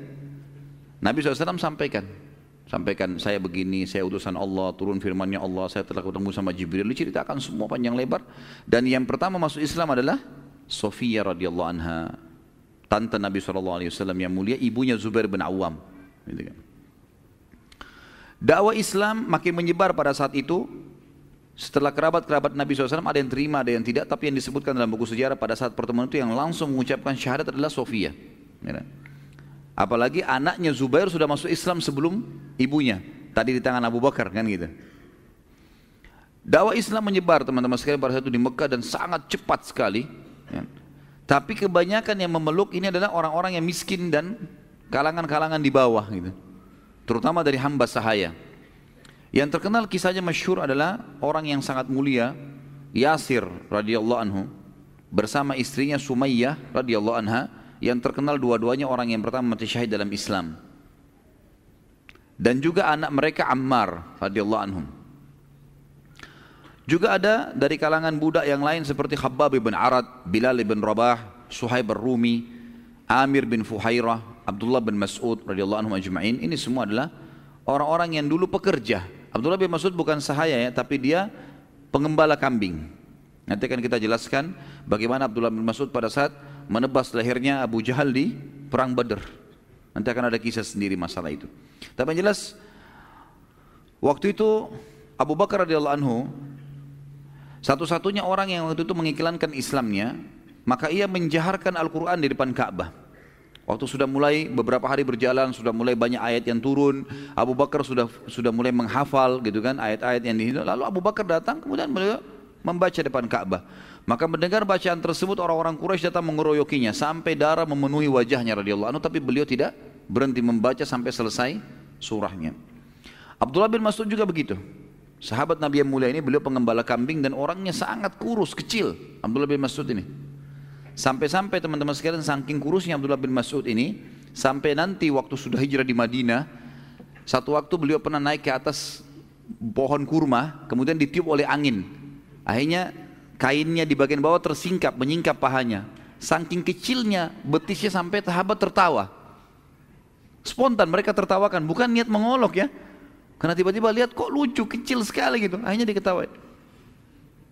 Apa yang dilihat teman-teman sekalian? Kata Nabi SAW dalam hadis sahih, apakah kalian menertawakan bet, kecil betisnya Ibnu Mas'ud? Demi Allah, betis Ibnu Mas'ud itu ditimbangan pada hari kiamat lebih berat daripada gunung Uhud. Apa yang Abdullah bin Mas'ud lakukan teman-teman sekalian? Orang yang kurus kecil badannya baru menghafal surah Ar-Rahman sebagian ayatnya. Dihafal turun pada saat kemudian dia mulai hafal beberapa ayat. Lalu dia tidak disuruh apa-apa nih. Dia datang ke dekat Ka'bah, cari batu yang tinggi, duduk, baca dengan suara keras. Orang-orang Quraisy lihat Abdullah bin Mas'ud pengembala kambing. Bagi mereka ini rendah sekali. Langsung datang dikeroyokin, digebukin, dikeroyokin luar biasa sampai berdarah-darah dia nggak berhenti sampai dia berhenti di hafalannya dalam kondisi berdarah-darah teman-teman sekalian sudah berhenti dia baca dilepas sama Quraisy dia pulang pergi ke rumah Darul Arkam namanya tempat pertemuan Nabi SAW dan para sahabat begitu sahabat lihat dan Nabi SAW lihat ada apa dengan kau ya Rasulullah saya baca Quran depan Ka'bah dan mereka keroyoki saya kata mereka kata para sahabat wahai Abdullah jangan kau lakukan itu badanmu kecil begini Ya, ini bisa sakit, bisa mati, bisa patah semua ini. Dikeroyokan sama orang. Rasulullah SAW juga mengatakan, oh Ibn Mas'ud, jangan kau paksakan dirimu. Kata dia, ya Rasulullah, kalau anda mau, suruh saya, besok saya kembali baca lagi. Jadi subhanallah, keimanan itu kalau maksud, memang orang pepatah bahasa Arab mengatakan ya, kekuatan itu ada di hati manusia, bukan di fisiknya. Kalau hatinya kuat seperti baja teman-teman sekalian, makanya iman itu dalam hati. Kalau hati buat seperti baja, biar badannya kurus nggak penting nggak penting itu. Ada orang subhanallah badannya seperti gentong besarnya, tapi hatinya kecil, ciut. Gitu. Disentil sedikit sudah nangis gitu kan. Ada nanti di perang Uhud kisah Julaibib, sahabat Nabi yang kecil sekali badannya sampai Nabi angkat dengan satu tangan untuk lihat jenazahnya. Tapi dia membunuh sembilan orang Quraisy. Ya, mati di tangannya dia. Jadi keberanian dan kekuatan itu di hati seseorang. Gitu. Bukan di fisiknya. Pada saat dakwah mulai gencar teman-teman sekalian maka pemuka-pemuka Quraisy tidak dapat menerima lagi perlakuan para sahabat yang terus-menerus berdakwah dan bagi mereka mereka anggap para sahabat mencaci maki Tuhan-Tuhan mereka. Padahal mungkin sahabat-sahabat bukan mencaci maki ya. Para sahabat tidak mencaci maki. Para sahabat cuma mengatakan, "Untuk apa kalian sembah berhala ini? Batu. Kalian yang pahat, kalian yang ukir, kalian yang taruh, kalian yang kasih nama. Ngapain disembah?" Kalian tahu kan ada Tuhan namanya Allah? Kembali ke Allah saja juga makhluknya Allah. Mereka anggap itu mencaci maki Tuhan mereka. Lalu mereka mendapati ternyata yang menjadi penolong utama Nabi SAW adalah pamannya Abu Talib. Abu Talib masih dalam kafir pada saat itu. Tapi Abu Talib melindungi Nabi SAW. Dan mereka menyerang Nabi nggak berani. Karena tradisi di zaman waktu itu, kalau ada satu orang diganggu, maka sukunya semua membelanya. Maka yang terjadi teman-teman sekalian, mereka datang kepada Abu Talib berkata, Wahai Abu Talib, ponakan anda ini sangat mengganggu kami. Sementara ia berada dalam naungan anda, kami ing, kami minta biarkan kami yang mengadilinya atau anda yang memberhentikannya. Abu Talib menjawab tidak mungkin, itu ponakan saya. Jadi tidak boleh ada yang ganggu. Ganggu perang suku nih, hmm, nggak bisa. Baiklah. Abu Talib ini belum tahu ya apa yang didakwakan Nabi SAW belum disampaikan oleh Nabi SAW ke Abu Talib ini. Maka berpencarlah orang-orang Quraisy dengan kekecewaan. Namun karena Nabi SAW terus saja gencar berdakwah tiap hari masuk dan mereka menganggap itu mencaci maki Tuhan-Tuhan mereka hanya mereka ketemu lagi sama Abu Talib yang kedua kali. Mereka mengatakan hal yang sama dengan sebelumnya dan mereka bilang kami sudah tidak sabar nih Abu Talib. Melihat keadaan sudah memanas dan Quraisy sudah mengatakan kalaupun kamu mau perang Abu Talib kami siap berperang. Harus diberhentikan nih. Ponakanmu selalu mencaci maki. Setiap tawaf melihat patung dicaci maki. Ini apa? Untuk apa disembah? Gitu diingat maka Nabi SAW pun dipanggil oleh Abu Talib. Kemudian mulailah Abu Talib bertanya, apa sebenarnya yang sedang kau bawa ini hai ponakanku? Apa ajaran apa ini? Maka Nabi SAW jelaskan, begini hai paman, begini hai paman. Dijelaskan semua tentang Islam. Kalian kan sudah beriman pada Allah. Kalian tahu Allah. Ini Allah mengutus saya. Mengajar, memurnikan ajaran syariat. Memurnikan ajaran tidak boleh menyembah berhala-berhala. Diterangkan panjang lebar kepada Abu Talib. Sampai Abu Talib sudah memahami apa isi ajaran Nabi SAW. Lalu mereka Abu Talib sudah dengar itu, sudah dengar tadi ajaran itu dianggap ajaran ini tidak salah. Kenapa mereka melarangmu? Baik ponakanku, kira-kira, kira-kira, bisa negosiasi nggak? Artinya ajaran ini jangan jangan kamu sebarkan ke mana-mana, ke orang-orang saja yang mau. Daripada kamu tawaf, kamu akhirnya dianggap mencaci maki Tuhan-Tuhan mereka, bisa nggak? Atau kamu tinggalkan aja ajaran itu, kamu kembali ke ajaran nenek moyangmu. Kata Nabi SAW kalimat yang membuat Abu Talib akhirnya tidak bisa berbicara. Dia beliau mengatakan, demi Allah wahai pamanku. Bila seandainya mereka itu, orang-orang Quraisy meletakkan pada tangan kananku matahari. Matahari kan luar biasa nilainya bagi manusia. Kalau nggak terbit matahari gelap semua. Gitu kan? Kalau matahari itu mereka berhasil ambil, mereka kasih ke saya, taruh di tangan kanan saya. Ini milik Muhammad Muhammad. Matahari, saya yang pegang. Di tangan kiriku bulan, supaya aku meninggalkan apa yang aku sedang dakwakan ini, maka aku tidak akan pernah meninggalkannya. Makna ini kalimatnya bobotnya berat ya. Artinya, walaupun saya sampai mati, nggak bakal saya tinggalin nih. Abu Talib Waktu itu kebetulan lagi berduduk sama beberapa suku-suku, suku-sukunya dia, suku Abdul Muttalib suku Hashim lagi kumpul, tiba-tiba saja mereka bilang, luar biasa kau pertahankan, kalau gitu dakwain aja, nggak apa-apa. Gitu kan? Silakan. Jadi yang kafir pun mengatakan tidak apa-apa, dakwah. Biar kau caci maki Tuhan kami nggak apa-apa, kami akan bela gitu. Sampai mereka bilang begitu. Melihat tekad Nabi SAW, saya bilang dalam tulisan saya ini, yang begitu besar dalam mempertahankan dakwanya, maka Abu Talib dan teman-temannya dan suku-sukunya semua mengatakan, demi Allah kami pun akan menolongmu, walaupun engkau mencaci maki Tuhan-Tuhan kami. Sampaikan saja apa yang engkau inginkan sampaikan. Bicara terserah kamu. Silakan. Maka dengan pertolongan tersebut Nabi SAW lebih gencar lagi berdakwah. Gitu ya. Sekali lagi, orang-orang Quraisy tidak dapat bersabar nih. Lalu mereka mencoba menyempitkan jalan dakwah Nabi SAW dengan cara mencoba merayu Abu Talib. Caranya apa? Mengutus ke Abu Talib seorang anak muda yang tampan, yang pintar, dicari yang kira-kira fisiknya dekat dengan Nabi. Nabi SAW kan orangnya tinggi, kekar, putih, gagah. Banyak kelebihan Nabi SAW. Dia, mereka cari siapa kira-kira yang anak muda Mekah yang mirip seperti itu. Ditemukanlah seseorang yang mirip, tapi tentu jauh lah ya. Namanya Amara bin Walid. Amara bin Walid ini terkenal sekali. Ayahnya tokoh Quraisy, orang kaya raya, jarang keluar. Kalau dia keluar jadi perhatiannya orang. Di rumah kalau keluar pakai baju bagus, wangi, tampan, segala macam. Orang semua jadi bicara tentang Amarah bin Walid ini. Mereka bawa Amarah bin Walid ke Abu Talib. Wahai Abu Talib, ambil nih Amarah nih.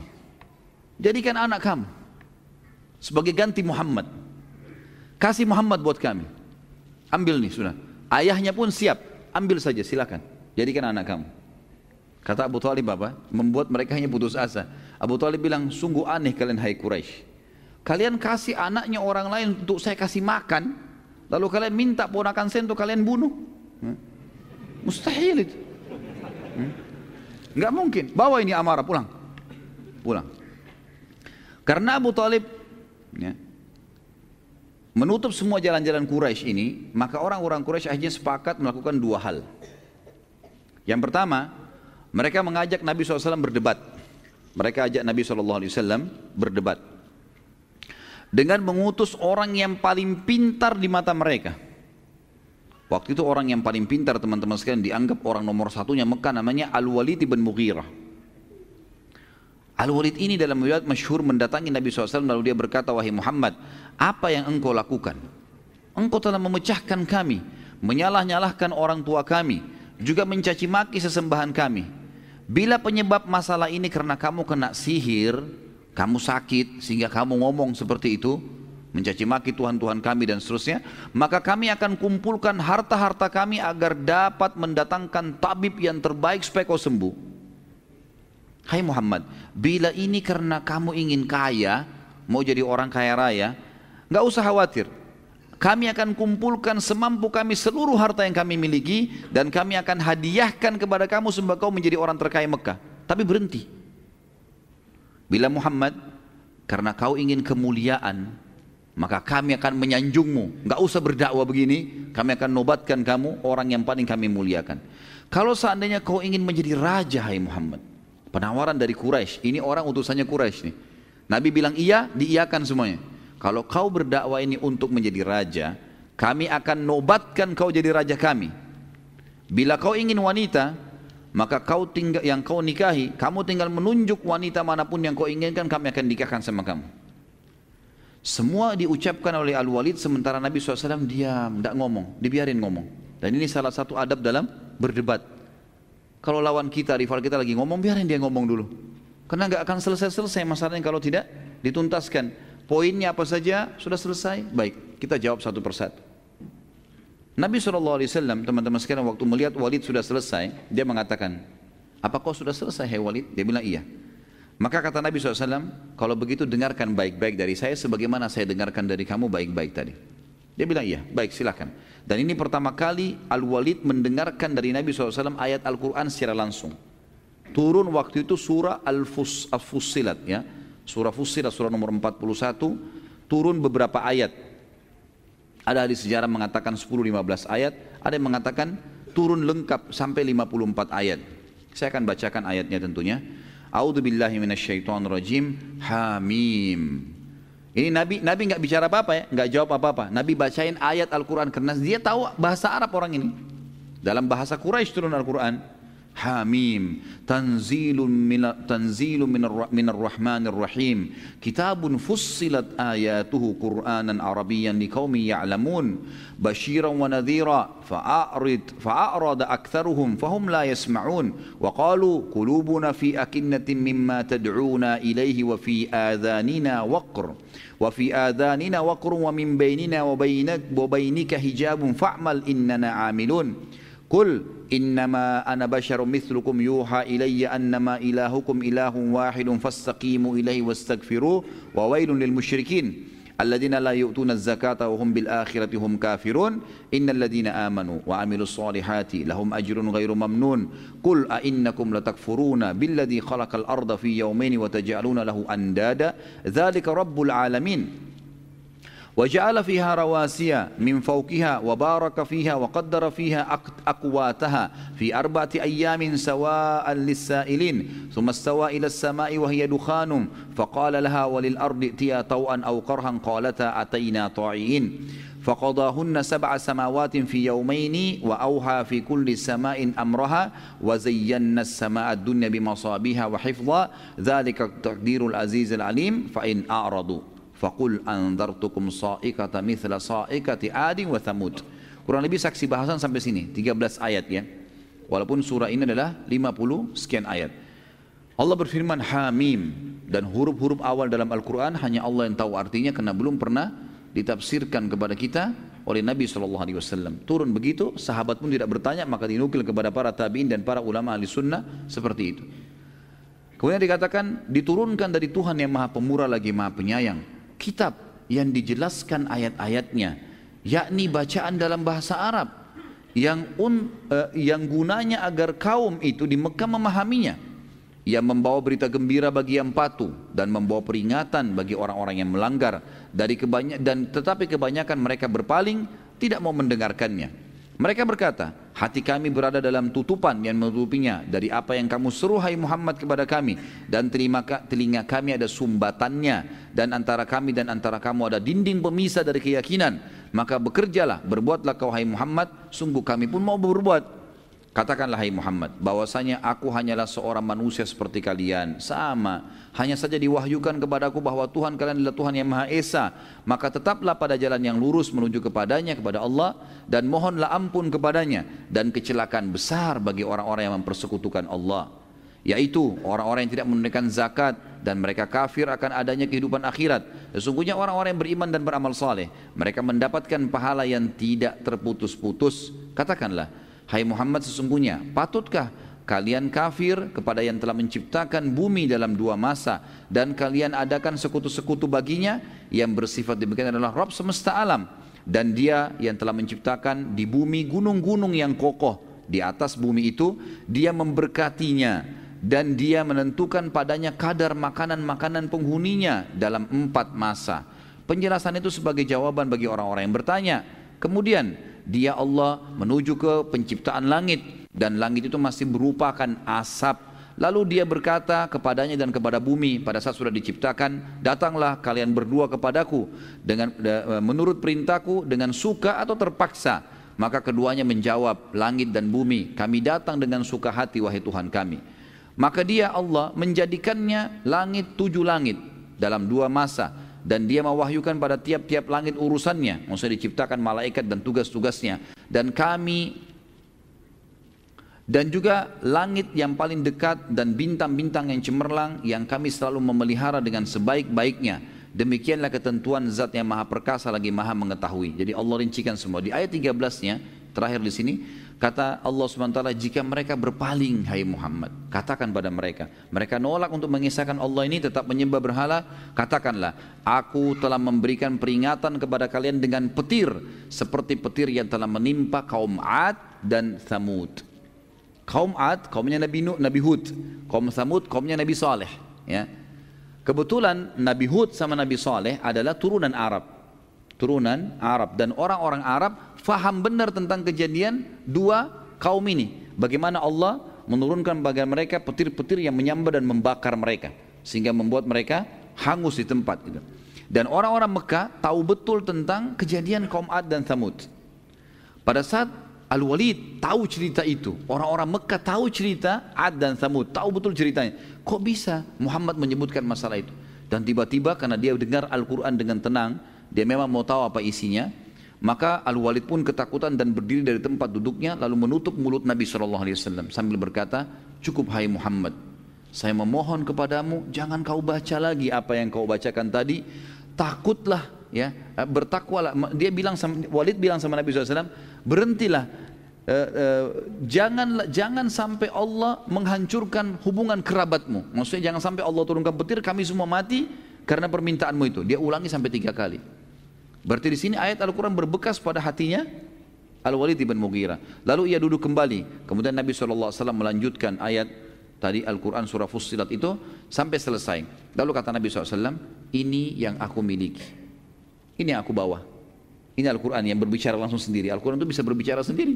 Orang kalau baca dia terjemahkan dirinya sendiri. Kita jadi tahu gitu kan. Kemudian pada saat itu teman-teman sekalian, setelah Nabi SAW mengatakan inilah yang aku miliki, Nabi SAW tidak berdialog dengan Al-Walid, tetapi hanya membacakan padanya ayat Al-Quran, maka dengan kemujizatan Al-Quran, Al-Walid pun tidak dapat melanjutkan dialognya. Ia pertama kali mendengar Al-Quran dengan tenang dan tanpa gangguan. Ia benar-benar tersentuh. Lalu ia berdiri dan di tempat duduknya lalu menuju ke Darun Nadwa, tempat kumpulnya orang-orang Quraisy. Pada saat itu pun, waktu dia berangkat tadi wajahnya merah, emosi. Dia siap mengalahkan Nabi SAW karena dia tahu dia pintar gitu. Waktu dia kembali orang-orang Quraisy mengatakan, demi Allah, Al-Walid bin Mughirah tidak wajahnya tidak seperti pada saat dia berangkat. Sekarang malah dia kelihatannya orangnya tenang, nggak emosi. Orang-orang Quraisy mengatakan ada apa nih? Hai Walid, ada apa dengan kau? Al-Walid mengatakan demi Allah. Dia bilang sama kaumnya ya, orang-orang Quraisy. Aku telah mendengarkan perkataan yang belum pernah aku dengar sebelumnya. Ketahuilah, sungguh perkataannya Muhammad Al-Quran itu sangat indah, juga sangat jelas. Perkataan tertingginya yang paling bagusnya sungguh telah berbuah. Orang kalau dengar pasti bisa faham. Dan perkataan yang paling sederhananya Al-Quran itu telah mencukupi juga sudah terincikan dan pastilah perkataannya itu akan menang dan tidak akan pernah terkalahkan. Ini kata siapa? Kata dutanya Quraisy yang diakui orang yang paling pintar pada saat itu. Nabi SAW dikerunai Al-Quran karena memang kaumnya pada saat itu sangat menjunjung tinggi sastra dan menjadi peradaban mereka. Baik, melihat keadaan Al-Walid berubah teman-teman sekalian, serentak orang-orang Quraisy pun berada dalam nado berkata, Wahai Walid, apa engkau telah meninggalkan agama nenek moyangmu? Al-Walid menjawab, tidak. Demi Allah tidak. Aku hanya belum pernah mendengar kata-kata seperti itu. Lalu orang-orang Quraisy bilang, mungkin itu cuma syair-syair. Syair memang susunannya bagus, gitu kan? Al-Walid mengatakan demi Allah, tidak seorang pun dari kalian yang tahu syair lebih daripada saya. Saya orang yang paling tahu, kalian tahu saya ada orang paling pintar dalam syair. Dan itu bukan sama sekali syair. Perkataan Muhammad bukan syair. Baik, mereka bilang, kalau begitu hai Walid, berarti Muhammad peramal, penyamun, penyihir, peramal dan penyamun. Maka Walid mengatakan, aku tahu semua yang berhubungan dengan peramal dan penyamun. Tidak sedikit pun ada pada Muhammad. Gak ada menyan-menyan, gak ada apa, gak ada. Gak ada. Ada. Dia cuma baca ayat Al-Quran dan saya tersentuh. Lalu mereka bilang orang Quraisy lagi, kalau begitu mungkin dia orang gila atau kerasu, kesurupan syaitan, kesurupan jin. Kata Quraisy begitu dalam riwayat. Al-Walid menjawab, aku tahu semua sifat-sifat dan ciri-ciri orang yang gila dan kesurupan, gitu kan. Tidak ada pada Muhammad. Normal, tenang, tidak ada Mereka bilang kalau begitu dia penyihir. Tadi peramal sama penyamun ya, sekarang penyihir. Dia bisa menyihir orang. Al-Walid mengatakan, aku sangat tahu semua penyihir-penyihir jazirah Arab. Semua aku kenal. Dan aku tahu perilaku-perilaku mereka. Tidak ada sedikit pun pada Muhammad. Orang-orang Quraisy bilang, engkau telah membuat kami bingung. Hmm. Lalu apa semestinya yang kami katakan tentang Muhammad? Kata Al-Walid, kalian mau dengar saran saya? Kata mereka tentu saja. Ini sekarang teman-teman Al-Walid orang terpintarnya Quraisy berbicara sama tokoh-tokoh Quraisy. Semua yang Quraisy bilang peramal, penyamun, penyihir, kesurupan, apalah gila, semua ditolak sama Walid. Enggak ada, semua itu bukan. Lalu apa? Kata Al-Walid, mau dengar saran saya? Kata mereka tentu saja. Lalu kata Al-Walid, yang pertama saran saya, ada dua saya tawarkan. Yang pertama, kalian mengikutinya. Karena ucapannya benar. Kita harus berakal. Ini benar yang diucapkan. Terima. Kita mengikutinya. Mereka jawab tidak mungkin. Orang-orang Quraisy bilang tidak mungkin. Kami meninggalkan agama nenek moyang kami. Awalid berkata kalau begitu tinggal ada yang kedua. Apa yang kedua? Kata Al-Walid, biarkan dia berdakwah kepada siapa pun yang dia mau. Bila dia benar dan banyak diikuti oleh manusia dan jadi terkenal serta termuliakan, maka kalian pun akan terkenal karena kalian satu suku sama dia. Sama-sama Quraisy. Oh berarti dari Quraisy nih. Kan jadi kalian juga terkenal. Dan jadi mulia. Karena satu kaum. Bila ia dibunuh oleh orang-orang karena dia berdakwah, maka itu tujuan kalian. Tidak usah kalian yang bunuh. Sudah selesai. Mereka jawab demi Allah kami tidak setuju juga ini. Sekarang Al-Walid yang bingung. Al-Walid bilang kalau begitu saya juga tidak tahu punya jawaban apa lagi. Kata mereka coba Al-Walid kuras otakmu gitu kan seperti itulah pikirkan apa yang harus kamu ucapkan tentang Muhammad tapi kamu tidak mau beriman kata Al-Walid yang paling dekat bilang dia penyihir. Itu yang paling dekat. Karena penyihir bisa mengubah keadaan orang. Yang lain tidak mungkin. Mustahil. Muhammad bukan gila bukan bodoh bukan segala-galanya. Ini dia bisa penyihir saja. Mereka bilang kalau begitu penyihir. Ya, ya sudah penyihir. Kemudian Al-Walid waktu duduk karena dia menyetujui, oke okay, ucapkan sebagai penyihir aja. Dia yang kasih ide, orang-orang Quraisy kembali merangkul dia. Saya tulis teman-teman dalam ini ini ini ijtihad saya saja. Setelah mengambil kisah ini saya bilang subhanallah, hampir saja Al-Walid menyebarkan kebenaran pada Quraisy. Kalau dia ngotot, jangan, ini benar, ikut. Misal, mereka bisa ikut sebenarnya gitu kan.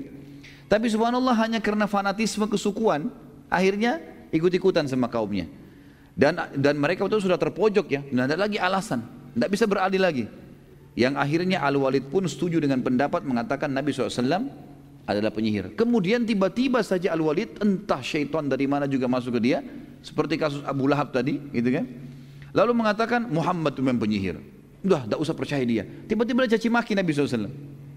Lalu subhanallah turun surah Al-Muddathir yang tadi kita sebutkan kita baca tujuh ayat pertama kan waktu awal turun ya yang suruh Nabi bangun dari berselimut.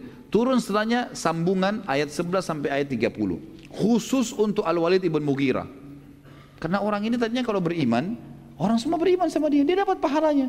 Tapi konyolnya malah dia penyebab orang berhenti. Allah sebutkan, billahi rajim. Al-Muddathir surah nomor 74 ayat 11 sampai ayat 30. Zarni wa man khalaqtu wahida wa ja'altu lahu malam mamduda wa banina syuhuda wa mahattu lahu tamhida ثم يطمع أن أزيد كلا إنه كان لآياتنا عنيدا. سأرهقه سعودا إنه فكر وقدر. فقتل كيف قدر. ثم قتل كيف قدر ثم نظر ثم عبس وبسر ثم أدبر واستكبر. فقال إن هذا إلا سحر يؤثر. إن هذا إلا قول البشر سأصليه سقر. وما أدراك ما سقر لا لا تبكي ولا تذر. لواحة للبشر عليها تسعة عشر. Jadi ini ayat 11 sampai 30 turun kepada Al-Walid atau terhadap Al-Walid ibn Mughirah. Kata Allah SWT, biarkan aku berkehendak, biarkan aku bertindak, kata Allah, kepada orang yang telah yang telah aku ciptakan dia. Maksudnya Al-Walid ibn Mughirah. Ini orang sudah aku ciptakan. Aku yang berikan dia akal, aku yang berikan dia harta. Tiba-tiba waktu ayat-ayatku datang dia tolak, bahkan dia mengajak kaumnya untuk menolak. Dan aku jadikan banyak harta benda untuknya dan anak-anak yang selalu jalan bersamanya karena Al-Walid bin Mughirah terkenal banyak anak-anaknya dan aku lapangkan rezekinya selapang-lapangnya kemudian dia ingin sekali aku menambahnya Sekali-kali aku tidak akan menambah kata Allah. Sesungguhnya dia menentang ayat-ayat kami, Al-Quran. Akan aku, aku akan membebani dia mendaki pendakian yang memayahkan. Maksudnya dia akan kesulitan dalam hidupnya mulai sekarang di dunia dan kemudian juga di akhirat. Sesungguhnya dia telah memikirkan dan menetapkan untuk beriman maka celakalah dia. Bagaimana dia mengalihkan keputusannya. Kemudian celakalah dia. Bagaimana dia bisa mengalihkan keputusannya. Kemudian dia sempat berpikir setelah itu. Sesudah itu dia bermuka masam dan merengut. Kemudian dia berpaling dari kebenaran dan menyombongkan diri. Lalu dia berkata, Al-Quran ini tidaklah hanya kecuali tidak lain hanyalah sihir yang dipelajari dari orang-orang dahulu. Ini tidak lain hanyalah perkataan manusia. Maka kata Allah, aku akan memasukkannya ke dalam neraka sakar. Tahukah kalian apa itu neraka sakar? Sakar itu tidak akan meninggalkan dan tidak akan membiarkan. Tidak ada lagi kulit, tidak ada daging, tidak ada tulang, dibakar semua hangus, diutuhkan begitu terus abadi. Neraka sakar adalah pembakar kulit manusia dan di atasnya dijaga oleh 19 malaikat. Baik. Karena langkah dialog dengan Nabi SAW tidak berhasil, maka mereka sepakat dengan langkah yang kedua. Ada dua langkah ya. Langkah yang kedua adalah mereka berkata, kami akan membunuh Muhammad dan menyusahkannya. Mulai saat itu orang-orang Quraisy mulai dengan mencaci maki Nabi Sallallahu Alaihi Wasallam. Setiap kali bertemu dengan Nabi pada saat tawaf mereka caci maki Nabi SAW. Setiap hari selalu mencaci maki Nabi SAW dengan beragam macam cacian. Tapi Nabi SAW sabar, gak ditanggapin. Sampai tiba suatu hari ada cacian yang disebutkan oleh orang-orang Quraisy tapi tidak disebutkan tuh dan memang tidak ada manfaatnya kita mengetahui apa kata-kata yang diucapkan tapi sangat menyakitkan bagi Nabi SAW. Maka Nabi pun berhenti. Jadi Nabi lagi tawaf, setiap lewat dari Nabi lagi jalan diikuti sama Quraisy. Kamu begini, kamu begitu dicaci maki. Nabi biarin aja. Satu waktu ada cacian yang sangat menyakitkan tapi tidak disebutkan apa cacian itu. Mereka ikuti Nabi SAW dari belakang lagi tawaf lalu Nabi berhenti tiba-tiba. Lalu Nabi mengatakan, wahai Quraisy, Aku akan memerangi kalian hingga kalian semua terbunuh kalau kalian masih tetap lakukan ini. Mendengar kata Nabi SAW yang Nabi tidak pernah marah sebelumnya, gak pernah tegas, berhenti tiba-tiba Nabi marah dengan mereka. Melihat kejadian tersebut tiba-tiba mereka jadi berhenti semua. Lalu mereka datang menyalami Nabi SAW mengatakan maafkan kami hai Muhammad. Kami tidak bermaksud seperti itu ya. Setelah itu Nabi SAW meninggalkan mereka. Pada saat Nabi SAW sudah tinggalkan mereka, mereka kembali dulu dalam lunar dua, lalu mereka seperti baru orang sadar, mereka mengatakan, e, saling hardik ya, mereka apa yang kita buat tadi nih? Tadi kan kita sengaja pancing emosinya, supaya dia marah, kita gebukin. Gitu. Kenapa malah sekarang kita minta maaf hanya diancam saja? Lalu kemudian mereka mengatakan, kita harus membunuhnya. Satu kalimat dia ucapkan, kita berhenti semuanya. Besok kita harus gebukin nih. Akhirnya besok hari Nabi SAW lagi tawaf, mereka datang lagi. Lalu mereka mengatakan, Hai Muhammad, apa engkau kemarin yang mengancam kami untuk berperang? Gitu kan. Nabi SAW diam saja sambil senyum. Lalu kemudian mereka mengeroyoki Nabi SAW waktu itu. Nabi melawan. Ya, semampunya. Dan Nabi SAW memang dijaga oleh Allah SWT. Mereka tidak bisa menyakiti Nabi SAW. Pada saat Nabi SAW sudah terpojok, pada saat itu karena dikeroyokan makin banyak orang datang. Dan tidak ada sahabat itu yang melihat Nabi SAW. Karena masih sedikit sahabat. Gitu. Melihat kejadian tersebut Fatimah radhiyallahu anha anak Nabi SAW berusaha membantu ayahnya tapi tidak mampu karena perempuan. Lalu dia segera menyusul Abu Bakar. Datangnya Abu Bakar lalu menyampaikannya, "Hai Abu Bakar begini kejadiannya. Ayah saya Rasulullah SAW digebukin oleh orang-orang Quraisy. Maka Abu Bakar pun datang lalu menghenduskan pedangnya dan kemudian berusaha mendorong orang-orang itu dari sisi Nabi SAW. Jadi mereka berdua, Nabi SAW dengan Abu Bakar berperang melawan orang-orang Quraisy. Lalu Abu Bakar mengatakan, apakah kalian mau memerangi orang hanya karena mengatakan Tuhanku Allah? Sampai akhirnya Abu Bakar terus mengulangi kalimat itu sambil mengancamkan pedangnya kepada orang Quraisy. Hanya orang-orang Quraisy meninggalkan Nabi Sallallahu Alaihi Wasallam. Dan pada saat itu teman-teman sekalian, ya apa namanya berhentilah orang-orang Quraisy pada hari itu menyiksa Nabi Sallallahu Alaihi Wasallam. Kalau enggak kita lanjutin. Sebenarnya ada tema yang saya siapkan untuk malam ini atau kalau tidak pertemuan akan datang insya Allah. Masuk Islamnya Hamzah dan Abu Dhar radhiyallahu anhu. Pada saat pertama kali Nabi SAW mendakwahi Khadijah radhiyallahu anha, ummul mu'minin. Jangan enggak usah pakai Siti. Kan sudah kita perbaiki tadi. Apakah di saat itu Khadijah radhiyallahu sudah di, sudah jilbabnya mengulur sesuai di surah Al-Ahzab ayat 59? Belum turun surah Al-Ahzab. Gitu kan? Dan memang tidak disebutkan apakah Khadijah radhiyallahu memiliki hijab yang seperti besar atau kecil Allah alam ya, kita tidak tahu dan ini tidak disebutkan dalam uh, buku-buku uh, sejarah masalah itu tapi tradisi wanita-wanita di orang Quraisy di Mekah pada saat itu memang mereka menggunakan kain ya. Mereka menggunakan kain di kepala uh, menggunakan kain di badan dan bagi mereka kalau tokoh-tokoh selain hamba sahaya itu mereka selalu saja berpakaian yang rapi. Tapi apakah jilbabnya sudah seperti surah Al-Ahzab? Itu Allah alam. Karena Azab itu, itu belum turun ya. Itu yang saya tahu. Apakah tidak berimannya sebagian Quraisy seperti Abu Lahab? Termasuk dalam kehendak Allah juga selain kehendak uh, orang tersebut? Semua semua teman-teman sekalian dibawa di bawah naungan kehendak Allah. Perbuatan baik atau perbuatan buruk Allah yang ciptakan dan semua pun kalau terjadi dengan izin Allah. Tetapi artinya gini, Allah ciptakan nikah sama zina misalnya ya. Allah perintahkan nikah, Allah larang zina. Allah yang ciptakan kan? Baik, kalau ada orang melakukan perbuatan nikah karena dia mengejar rahmatnya Allah dapat pahalanya. Kalau dia mengerjakan zina yang menciptakan dia, menciptakan perbuatan, yang menciptakan, memberikan dia energi, Allah juga. Tapi ini secara global masuk dalam semua dengan izin Allah tentunya. Tapi ini dilarang. Allah sudah bilang akan kena ancaman, kena hukuman. Kalau kita bicara lingkup global, maka semua dengan izin Allah, nggak bisa lepas. Tetapi saya pernah jelaskan masalah takdir, ada yang sifatnya ikhtiar, namanya af'al ibad. Ya ber, berhubungan dengan perilaku hamba-hamba. Kalau perilaku hamba-hamba teman-teman sekalian seperti misalnya menikah, ya, e, melakukan kebaikan atau melakukan kejahatan, ini ikhtiar kita semua nih. Seperti contoh gini, teman-teman sekarang mau hadir di masjid sini, kan bisa hadir ya? Pilihan siapa? Pilihan antum sendiri kan? Di luar sana juga mungkin ada orang berbuat maksiat, mungkin dia ke diskotik, mungkin dia berbuat haram, pilihan dia juga itu. Semua ini pun terjadi dalam lingkup masyiatillah. Tapi Allah sudah ingatkan, kalau ke sini dapat pahala, di sana dapat dosa, ini ada surga, ini atau ada neraka. Allah sudah sebutkan. Ya. Jadi kalau kita bicara lingkup luasnya, semua ini dengan kekuasaan Allah terjadi. Tapi Allah sudah membedakan mana baik, mana buruk dan mengikutkan padanya berita gembira bagi yang patuh dan ancaman bagi yang melanggar. Jadi sebenarnya Abu Lahab itu dan orang-orang yang meninggal dalam keadaan kafir itu pilihan dia. Pilihan dia, dia bisa beriman kok. Dan Allah selalu datangkan sinyalnya kepada setiap orang yang seperti ini. Jadi jangan difahami Allah memaksa atau me, ya tanda kutip ya orang itu harus kafir atau orang ini harus beriman tidak. Makanya Allah mengatakan dalam firman-Nya a'udzubillahi minasyaitonirrajim faman syaa'a falyu'min wa man syaa'a falyakfur. Siapa yang mau beriman silakan, siapa yang mau kafir silakan. Allah kasih kebebasan sebebas-bebasnya. Makanya orang juga nanti hari kiamat, naudzubillah penghuni neraka masuk neraka, mereka masuk neraka dan mengakui keadilan Allah. Karena yang buat dia masuk neraka dia sendiri. Dia sendiri. Makanya Allah mengatakan fala uh, syaitan mengatakan nanti pada hari kiamat dan Allah nukilkan dalam Al-Qur'an syaitan iblis akan berkata nanti pada hari kiamat akan keluar tiang besar di neraka lalu dia berkhutbah dan saya sarankan jangan dengar khutbah ini ya.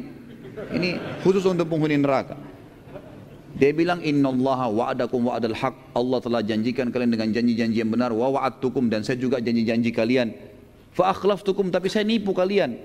Allah sudah bongkar kedoknya iblis gitu kan. Hari kiamat dia akan bicara begitu di neraka. Dan dia mengatakan dalam ayat ini lanjutannya ma'a nabi muslihikum. Dalam hal lanjutan ayat ini saya tidak bisa tolong kalian wa ma antum bimuslihi kalian juga tidak bisa tolong saya. Saya cuma panggil kalian, kalian yang jawab sendiri. Fala talumuni walumu anfusakum. Jangan kalian salahkan diri saya, salahkan diri kalian sendiri. Karena memang kita bebas nolak, bisa bebas memilih kan? Seperti itulah. Anak seorang mu'allaf yang ingin tanyakan adalah apakah masih ada sisa-sisa kebenaran sejarah agama Islam dalam agama Nasrani masa kini, baik itu dalam kitab sucinya Alkitab atau mungkin dalam ajaran atau mungkin dalam tata cara ibadahnya. Karena anak ingin bisa insya Allah berdakwah kepada orang tua, saudara, keluarga dan masih agama Nasrani. Syukran Ustaz. Saya pribadi nggak tahu ya apakah memang masih ada dalam syariat dalam dalam ajaran sekarang yang dipelajari dalam di gereja-gereja dalam Injil itu masih ada yang sama dengan ajaran kita sekarang Allahu alam. Tapi yang jelas karena sudah banyak perubahan ya.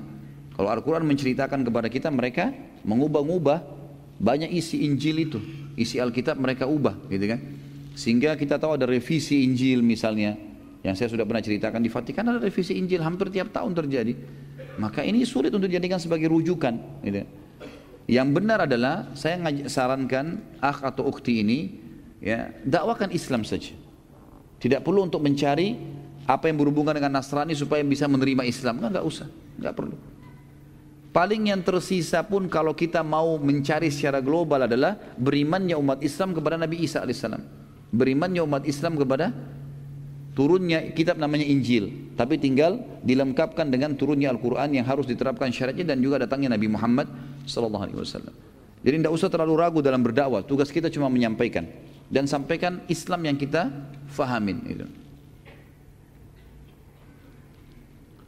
Bagaimana cara wahyu turun setelah surah Al-Alaq ayat 1 sampai 5? Apakah sama dengan surah Al-Alaq Jibril membaca dan Nabi SAW mengulangi? Uh, proses penerimaan wahyu ada beberapa cara ya. kadang kadang-kadang Jibril datang, kata Nabi SAW kadang-kadang Jibril datang dan dalam poster manusia, kemudian aku memahami dari perkataannya kalau dia bukan manusia. Kadang-kadang Jibril AS memasukkan itu ke dalam hatiku sehingga aku merasakan ada ilham di dalam hatiku. Kadang-kadang aku mendengar suara lonceng yang keras dan ini yang paling berat untuk Nabi Wasallam. Gitu. Jadi ada beberapa cara, tapi yang dinukil kepada kita tidak dirincikan secara khusus ya surah Ad-Duha itu turunnya seperti apa, apakah sama dengan Al-Alaq yang yang dirincikan memang Al-Alaq. Jibril datang kena surah ayat pertama, surah pertama dan ayat-ayat pertama, maka Jibril datang dalam kemudian memeluk Nabi SAW dan ini tidak semua ayat. Ada di antara ayat-ayat memang turun, Nabi SAW menyaksikan itu. Seperti kasus nanti kita akan bahas di perang uh, Bani Quraidah. Bagaimana uh, waktu Nabi SAW sudah selesai menang dari pasukan Ahzab, ya, pasukan kelompok-kelompok 10 ribu orang yang mengepung Madinah, sudah bubar semua kena angin kencang. Pada saat itu Allah SWT bubarkan mereka. Maka uh, Nabi SAW pulang ke rumah lalu ganti baju, mau mandi. Datanglah Dihyal Kalbi, sahabat Nabi yang mulia dalam poster di Al-Kalbi ini lalu mengetuk rumah Nabi SAW dan bertanya kepada Aisyah mana Muhammad mana Rasulullah kata Aisyah lagi membersihkan dirinya lalu kata Dihya Al-Kalbi sampaikan kalau Dihya mau bertemu lalu Nabi SAW keluar dan bertemu dengan Dihya itu kan Aisyah pun menceritakan maka Nabi SAW pun uh, Aisyah mendengarkan Dihya Al-Kalbi berkata Hai Muhammad Perkataannya setelah ketemu Hai Muhammad, apakah kalian sudah membuka baju-baju perang kalian? Sementara kami malaikat tidak membuka baju-baju kami, gitu kan? Sampai kami memerangi ke arah sana, ditunjuklah bentengnya Bani Quraidah. Jadi pernah Jibril datang datang seperti ini. Tapi kalau tadi tentu eh, ada di antara surah yang disebutkan bagaimana Jibril prosesnya datang, tapi ada juga yang tidak disebutkan. Tapi ini tadi secara global saya sebutkan. Ada yang kadang-kadang Jibril datang bicara seperti ini. Ada kadang-kadang ilham yang masuk dalam hati Nabi SAW. Kadang-kadang terdengar suara lonceng. Seperti kasus uh, Aisyah waktu difitnah. Nanti akan kita bahas kisah ifq. Pada saat pulang dari perang Bani Mustalik. Nanti akan kita pelajari insya Allah itu. Bagaimana uh, uh, apa, Nabi SAW waktu uh, turun ayat tentang pembebasan Aisyah dari, dari, dari tuduhan zina. Beliau duduk di sudut rumah Abu Bakar. Lalu beliau keringatan dan mendengarkan suara lonceng yang keras. Nah ini juga salah satu metode. Allahu alam. Bagaimana mengambil ibrah dan implementasi dakwah Nabi di kehidupan sekarang karena dakwah sunnah sekarang baru sekedar dakwah untuk dalam rangka islah sama muslim bagaimana dakwah kita untuk kaum kafir yang dengan menegakkan kalimat tauhid di Indonesia sementara yang berpuasa banyak kaum kafir dan munafik bagaimana metode penyampaian ilmu pada zaman Rasul apakah dengan metode talaki atau taklim seperti kita saat ini. Tugas kita teman-teman sekalian agama Allah ini disampaikan. Kalau metode Nabawiyah jelas sekali. Nabi SAW memulai membangun komunitas dengan majlis ilmu. Majlis ilmu. Nabi SAW duduk, menyampaikan wahyu Allah, kemudian para sahabat mendengarkan sampai tertanam ilmu itu dan iman dalam dalam hatinya, lalu muncullah iman, lalu mereka mengaplikasikan apa yang mereka dapatkan. Itu yang Nabi SAW terapkan sampai fase 13 tahun di Mekah dan dua tahun pertama di Madinah masih belum ada peperangan. Selalu ada penanaman iman. Maka lahirlah kader-kader seperti Abu Bakar, Umar, Uthman, Ali, Talha, Zubair dan semuanya sahabat-sahabat Nabi Muhammad karena ilmu sudah tertanam dalam hatinya. Kalau saya pribadi melihat sekarang Indonesia ini kita butuh majelis ilmu yang banyak. Para teman-teman dai lebih gencar menyampaikan ceramah-ceramah mereka, memaksimalkan media-media yang ada, gitu kan? Karena kita sudah terlanjur di Indonesia ini masyarakat tercekoki dengan banyak pemahaman yang tidak jelas. Ya. Mungkin antum sendiri rasakan pada saat sebelum menapati atau mengikuti dakwah sunnah bagaimana penyampaian yang penuh dengan khurafat banyak segala macam pemahaman yang tidak jelas arahnya gitu kan. Dan itu banyak sekali. Maka dengan majelis ilmu alhamdulillah terjadi banyak perubahan-perubahan, gitu kan? Terjadi banyak perubahan-perubahan. Ini Allah alam yang saya tahu metode Nabawi yang pertama. Setelah ilmu itu tertanam dengan baik, gitu kan? Barulah kemudian pindah ke tahapan setelahnya, ekspansi ilmu itu, nyebarkan, gitu kan? Setelah tersebar, barulah kemudian Nabi SAW membangun komunitas negara di Madinah pada saat itu ya. Akhirnya Nabi SAW membentuk pemerintahan dan mulailah mengekspansi dengan kekuatan militer, mempertahankan Islam dengan kekuatan militer. Ini yang ada, Allah alam. Jadi saya melihat Indonesia ini sekarang tahap pertama membutuhkan perbaikan ilmu supaya masyarakat sadar tentang kebenaran tauhid. Harusnya itu. Itu yang Allah alam yang saya tahu yang diperlukan ya. Dan saya secara pribadi, secara pribadi saya melihat saya terus aja gencot di situ bagaimana saya belajar ilmu, saya baca buku, saya susun materi, saya sampaikan kepada saudara saya muslim. Dan saya pribadi melihat untuk lingkup dakwah saya saja, saya lihat efeknya besar. Alhamdulillah Allah bisa berkahi, sekian banyak orang hampir setiap hari orang yang WhatsApp ke saya, SMS, membahasakan sudah faham, Alhamdulillah terima kasih dan seterusnya. Kadang-kadang ada yang menangis ketemu dengan saya karena menyampaikan, saya sendiri tidak tahu. Saya bilang, saya cuma menyampaikan ini kuasa Allah. Saya cuma menyampaikan apa yang sebenarnya kalau Allah, kalau Rasul. Jadi saya melihat bekas ilmu besar, gitu kan? Bekas ilmu dan ini penting sekali dan ini adalah metode pertama Nabi sallallahu alaihi wasallam. Dan ini juga sudah saya jelaskan pertanyaan kedua tentang masalah metode di zaman Nabi SAW. Tentu saja dengan talaki, ada talaki, ada taklim, ada berbeda ya. Talaki itu memang dia fokus terus belajar, terus belajar. Ada di antara sahabat begitu, makanya tidak semua sahabat perawi hadis, ya. Tidak semua sahabat merawi hadis yang merawi hadis yang memang talaki dari Nabi SAW. Kita sudah tahu beberapa sahabat ada Abu Hurairah, ada Abdullah bin Mas'ud, Abdullah bin Umar, Abdullah bin Abbas, Abdullah bin Amr bin As, Zaid bin Haritha, Zaid bin Thabit, ya. Ini semua sahabat-sahabat yang memang memang kerjanya setiap hari tinggal di belakang rumah Nabi SAW namanya Suffah. Di situ ada sebuah tempat yang uh, yang luasnya kurang lebih 5 kali 5 meter. Kemudian di situ Nabi SAW membiayai para penuntut ilmu. Mereka datang untuk. Nabi biayai makannya, minumnya. Mereka cuma tahu ikutin Nabi. Apa yang Nabi ucapin. Jadi wahyu turun kebanyakan pada mereka terlebih dahulu. Nanti mereka sebarkan setelah itu. Karena kadang-kadang wahyu ada yang turun di saat Jumat. Sehingga semua orang dengar. Kadang-kadang ada wahyu turun di kancah peperangan. Yang hadir perang aja yang dengar. Yang di Madinah nggak dengar. Nanti disampaikan. Kadang-kadang Nabi SAW terima wahyu tidak ada yang dengar.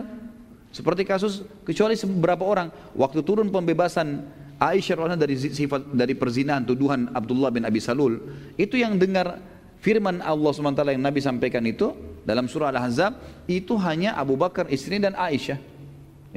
Lalu kemudian disebar kepada yang lainnya jadi ada memang orang-orang yang duduk bertalaki memang mempelajari itu. Ada orang yang hadir di taklim seperti misalnya ada orang yang hanya ketemu dengan Nabi SAW di lima waktu sholat Selain itu dia kerja di kebunnya, dia pergi ke mana. Ada juga yang ketemu sama Nabi cuma setiap Jumat. Ada yang ketemu sama Nabi Nabi, Nabi SAW kalau Ramadan. Ada yang ketemu pada saat peperangan saja. Ada yang ketemu pada saat haji saja. Ada yang ketemu pada dengan Nabi SAW itu sekali seumur hidup. Syahadat kemudian pulang. Udah nggak ketemu lagi sama Nabi SAW sampai meninggal. Jadi memang berbeda-beda ya. Tapi sistem yang Nabi SAW tekankan adalah sistem yang memang di, diistilahkan sekarang dengan talaki ya bagaimana beliau sangat menyambut para penuntut ilmu duduk untuk belajar ya. Duduk belajar dan ambil semua. Dan teman-teman sekalian jangan buru-buru dalam menuntut ilmu ya. Kata Imam Syafi'i rahimahullah orang yang tidak bisa sabar ya dengan waktu yang lama menuntut ilmu maka dia juga ya nanti akan harus sabar dengan kebodohannya. Kalau tidak mau sabar untuk ilmu nanti dia akan bodoh. Harus sabar Jangan setahun dua tahun teman-teman sekalian. Orang untuk ilmu itu seumur hidup. Ya, itu jangan buru-buru begitu baru setahun dua tahun sudah langsung mengajar sana sini. Butuh ilmu yang dalam teman-teman sekalian. Ajarkan kepada orang dekat-dekat, iya orang terdekat yang kita tahu iya. Tapi untuk menyampaikan sebuah fatwa jangan buru-buru. Karena ini saya lihat ada juga masalah kita di Indonesia ya. Banyaknya orang sembarangan menyampaikan fatwa dan ilmunya belum sampai. Ini berbahaya sekali. Hanya sekedar gelar ustadz, hanya sekedar gelar ini, gelar itu, akhirnya main ngomong saja gitu kan.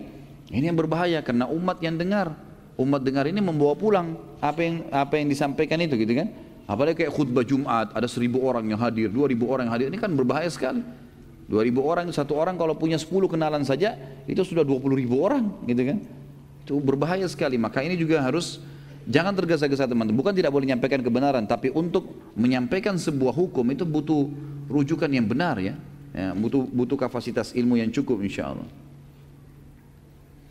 Apakah sebelum Nabi Muhammad SAW menjadi Nabi, ajaran Nabi Isa Nasrani belum disebar sampai ke Mekah? Memang tidak ada kewajiban disebar ke Mekah. Karena Nabi Isa AS hanya untuk Bani Israel. Jadi nggak ada kewajiban Nabi Isa bawa ke Mekah ajarannya. Nah sudah saya jelaskan tadi kan, khusus untuk Bani Israel. Makanya dikatakan Nabi Isa Nabi Bani Israel. Jadi salah sebenarnya itu teman-teman kita Nasrani yang datang mendakwakan Nasrani ke Indonesia. Nggak ada hubungannya Nabi Isa bukan untuk orang Melayu. Lo benar ya, untuk Bani Israel. Memang itu Nabi Bani Israel, gitu kan? Kalau Nabi SAW beda, Nabi Muhammad SAW memang Allah mengatakan, A'udzubillah syaitan wa ma arsalnaka li rahmatin lil alamin. Kami tidak utus ke Muhammad kecuali jadi petunjuk bagi seluruh alam semesta. Ustaz saya pernah dengar kisah Rukana mengajak duel, gulat Rasulullah SAW hingga berapa kali, namun Rasulullah SAW selalu menang. Apakah ada kisah lain dakwah Rasulullah SAW menggunakan fisik atau berkelahi? Itu nanti kisah Rukana ada disebutkan nanti di sini insya Allah ya. Kalau menggunakan fisik, ah peperangan-peperangan Nabi SAW. Semuanya menggunakan fisik. Bahkan Ali bin Abi Thalib mengatakan dalam riwayat Bukhari radhiyallahu anhu, kami kalau menghadapi peperangan ya, lagi lagi lagi berkecamuk, maka kami berlindung di belakang Nabi SAW. Nabi SAW luar biasa. Ada riwayat lain menjelaskan pernah Madinah terdengar suara gemuruh yang ribut, gitu kan? Kemudian para sahabat lalu segera ngumpul. Mereka tahu ini suara-suara gemuruh seperti suara penyerangan lah. Maka mereka uh, mereka pun berkumpul di depan rumah Nabi SAW menunggu. Waktu itu mereka bawa-bawa obor karena malam gak ada penerangan. Maka mereka nunggu, ternyata Nabi SAW tidak keluar. Tidak lama kemudian suara gemuruh itu sudah hilang. Dan mereka lihat dari kejauhan ada orang menunggangi kuda mendekati mereka. Begitu dekat penunggang kuda itu, pegang obor, di tangan kanannya pedang, di tangan kirinya obor. Itu mereka begitu dekat ternyata dia adalah Rasulullah SAW. Rasulullah melawan sendiri gerombolan itu. Ya. Jadi beliau punya keberanian. Bukan seperti sebagian pemimpin yang cuma tahu perintah sana, perintah sini, dia enak di rumah pakai AC. Ya. Nah, iya. Nabi SAW berbeda, ya, luar biasa. Beliau dan banyak ya, banyak. Mungkin itu yang terlintas sementara ya. Tapi jelas peperangan-peperangan Nabi SAW jelaskan. Beliau juga terluka. Jarinya sempat kena anak panah Yahudi di Khaybar. Keningnya sempat luka dan giginya pecah SAW di Uhud, gitu kan? Pundak kanannya dipukul oleh Ibnu Qami'ah. Nanti kan kita jelaskan di perang Uhud itu. Nabi SAW merasakan juga sakit fisik dan segala ini ada dirasakan oleh Nabi SAW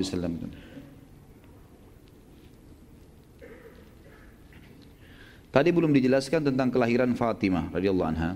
Kok tiba-tiba muncul? Ya tadi kan penjelasan tentang kan tadi dijelaskan uh, tentang anak-anak Nabi SAW di antaranya namanya Fatimah radhiyallahu anha. Gitu kan dan memang kita sedang membahas sejarah Nabi Shallallahu Alaihi Wasallam. Hanya itu saja. Nah.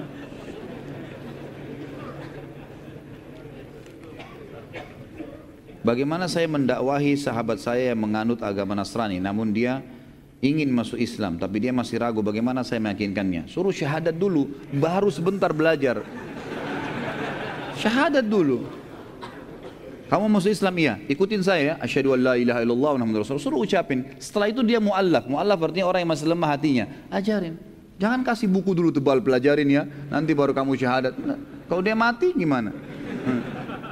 Masukin Islam. Pernah ada seorang ikhwah gitu bawa sama saya seorang ikhwah yang lain, laki-laki yang lain gitu dibawa sama dia di hotel waktu itu saya lagi nginap ada tamu dari Saudi Syekh datang beberapa tahun yang lalu kemudian dia bilang Ustaz ada teman saya mau masuk Islam tapi mau ditang eh, sama Ustaz Begitu datang ke saya, saya tanya, sejak kapan mau belajar Islam, mau masuk Islam ini? Dia bilang, saya sudah lama sampaikan ke teman saya, ditunjuk teman ikhwah yang bawa itu, sudah lama. Dan saya dikasih buku dulu, dikasih buku tebal, belajar. Mungkin sudah dari berapa bulan yang lalu, gitu kan. Saya bilang sama akhi itu, kenapa akhi?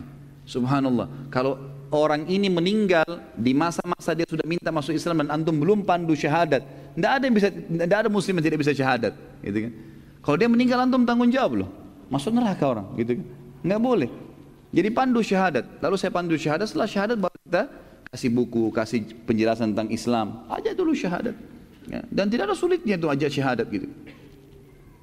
Jadi itu saran saya aja syahadat. Kalau dia sudah ada keinginan ya. Kalau dia belum ada keinginan baru kemudian kita memberikan buku-buku mungkin kita berikan argumentasi apa ya.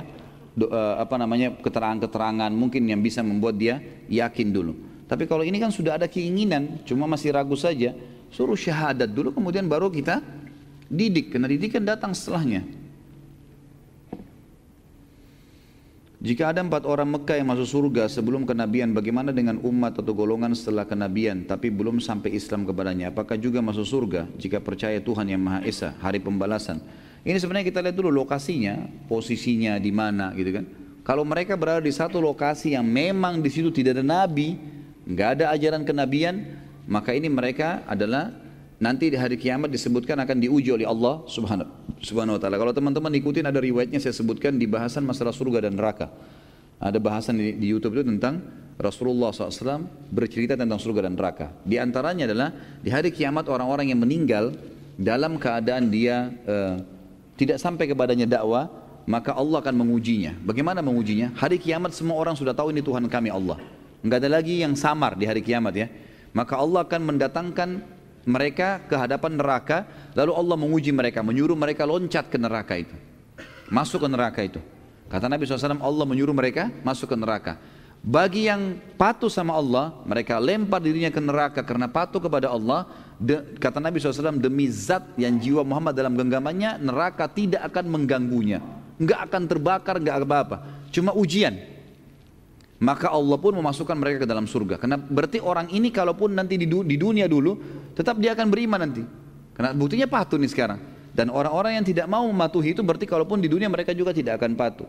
Ini yang ada Allah alam yang saya tahu. Seperti itu. Ya.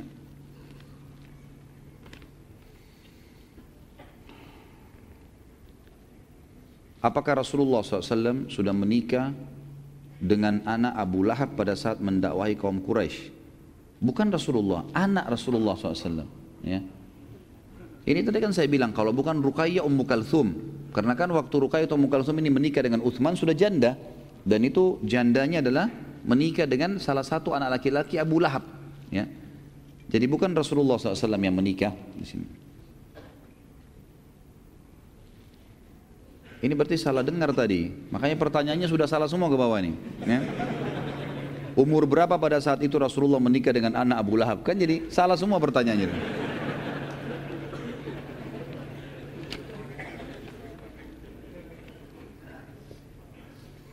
Apakah tasmiyah atau memberi nama Abu Jahal dan Abu Lahab itu e, dari orang Islam saja atau Abu Jahal dan Abu Lahab mengakui sendiri kunyah tersebut?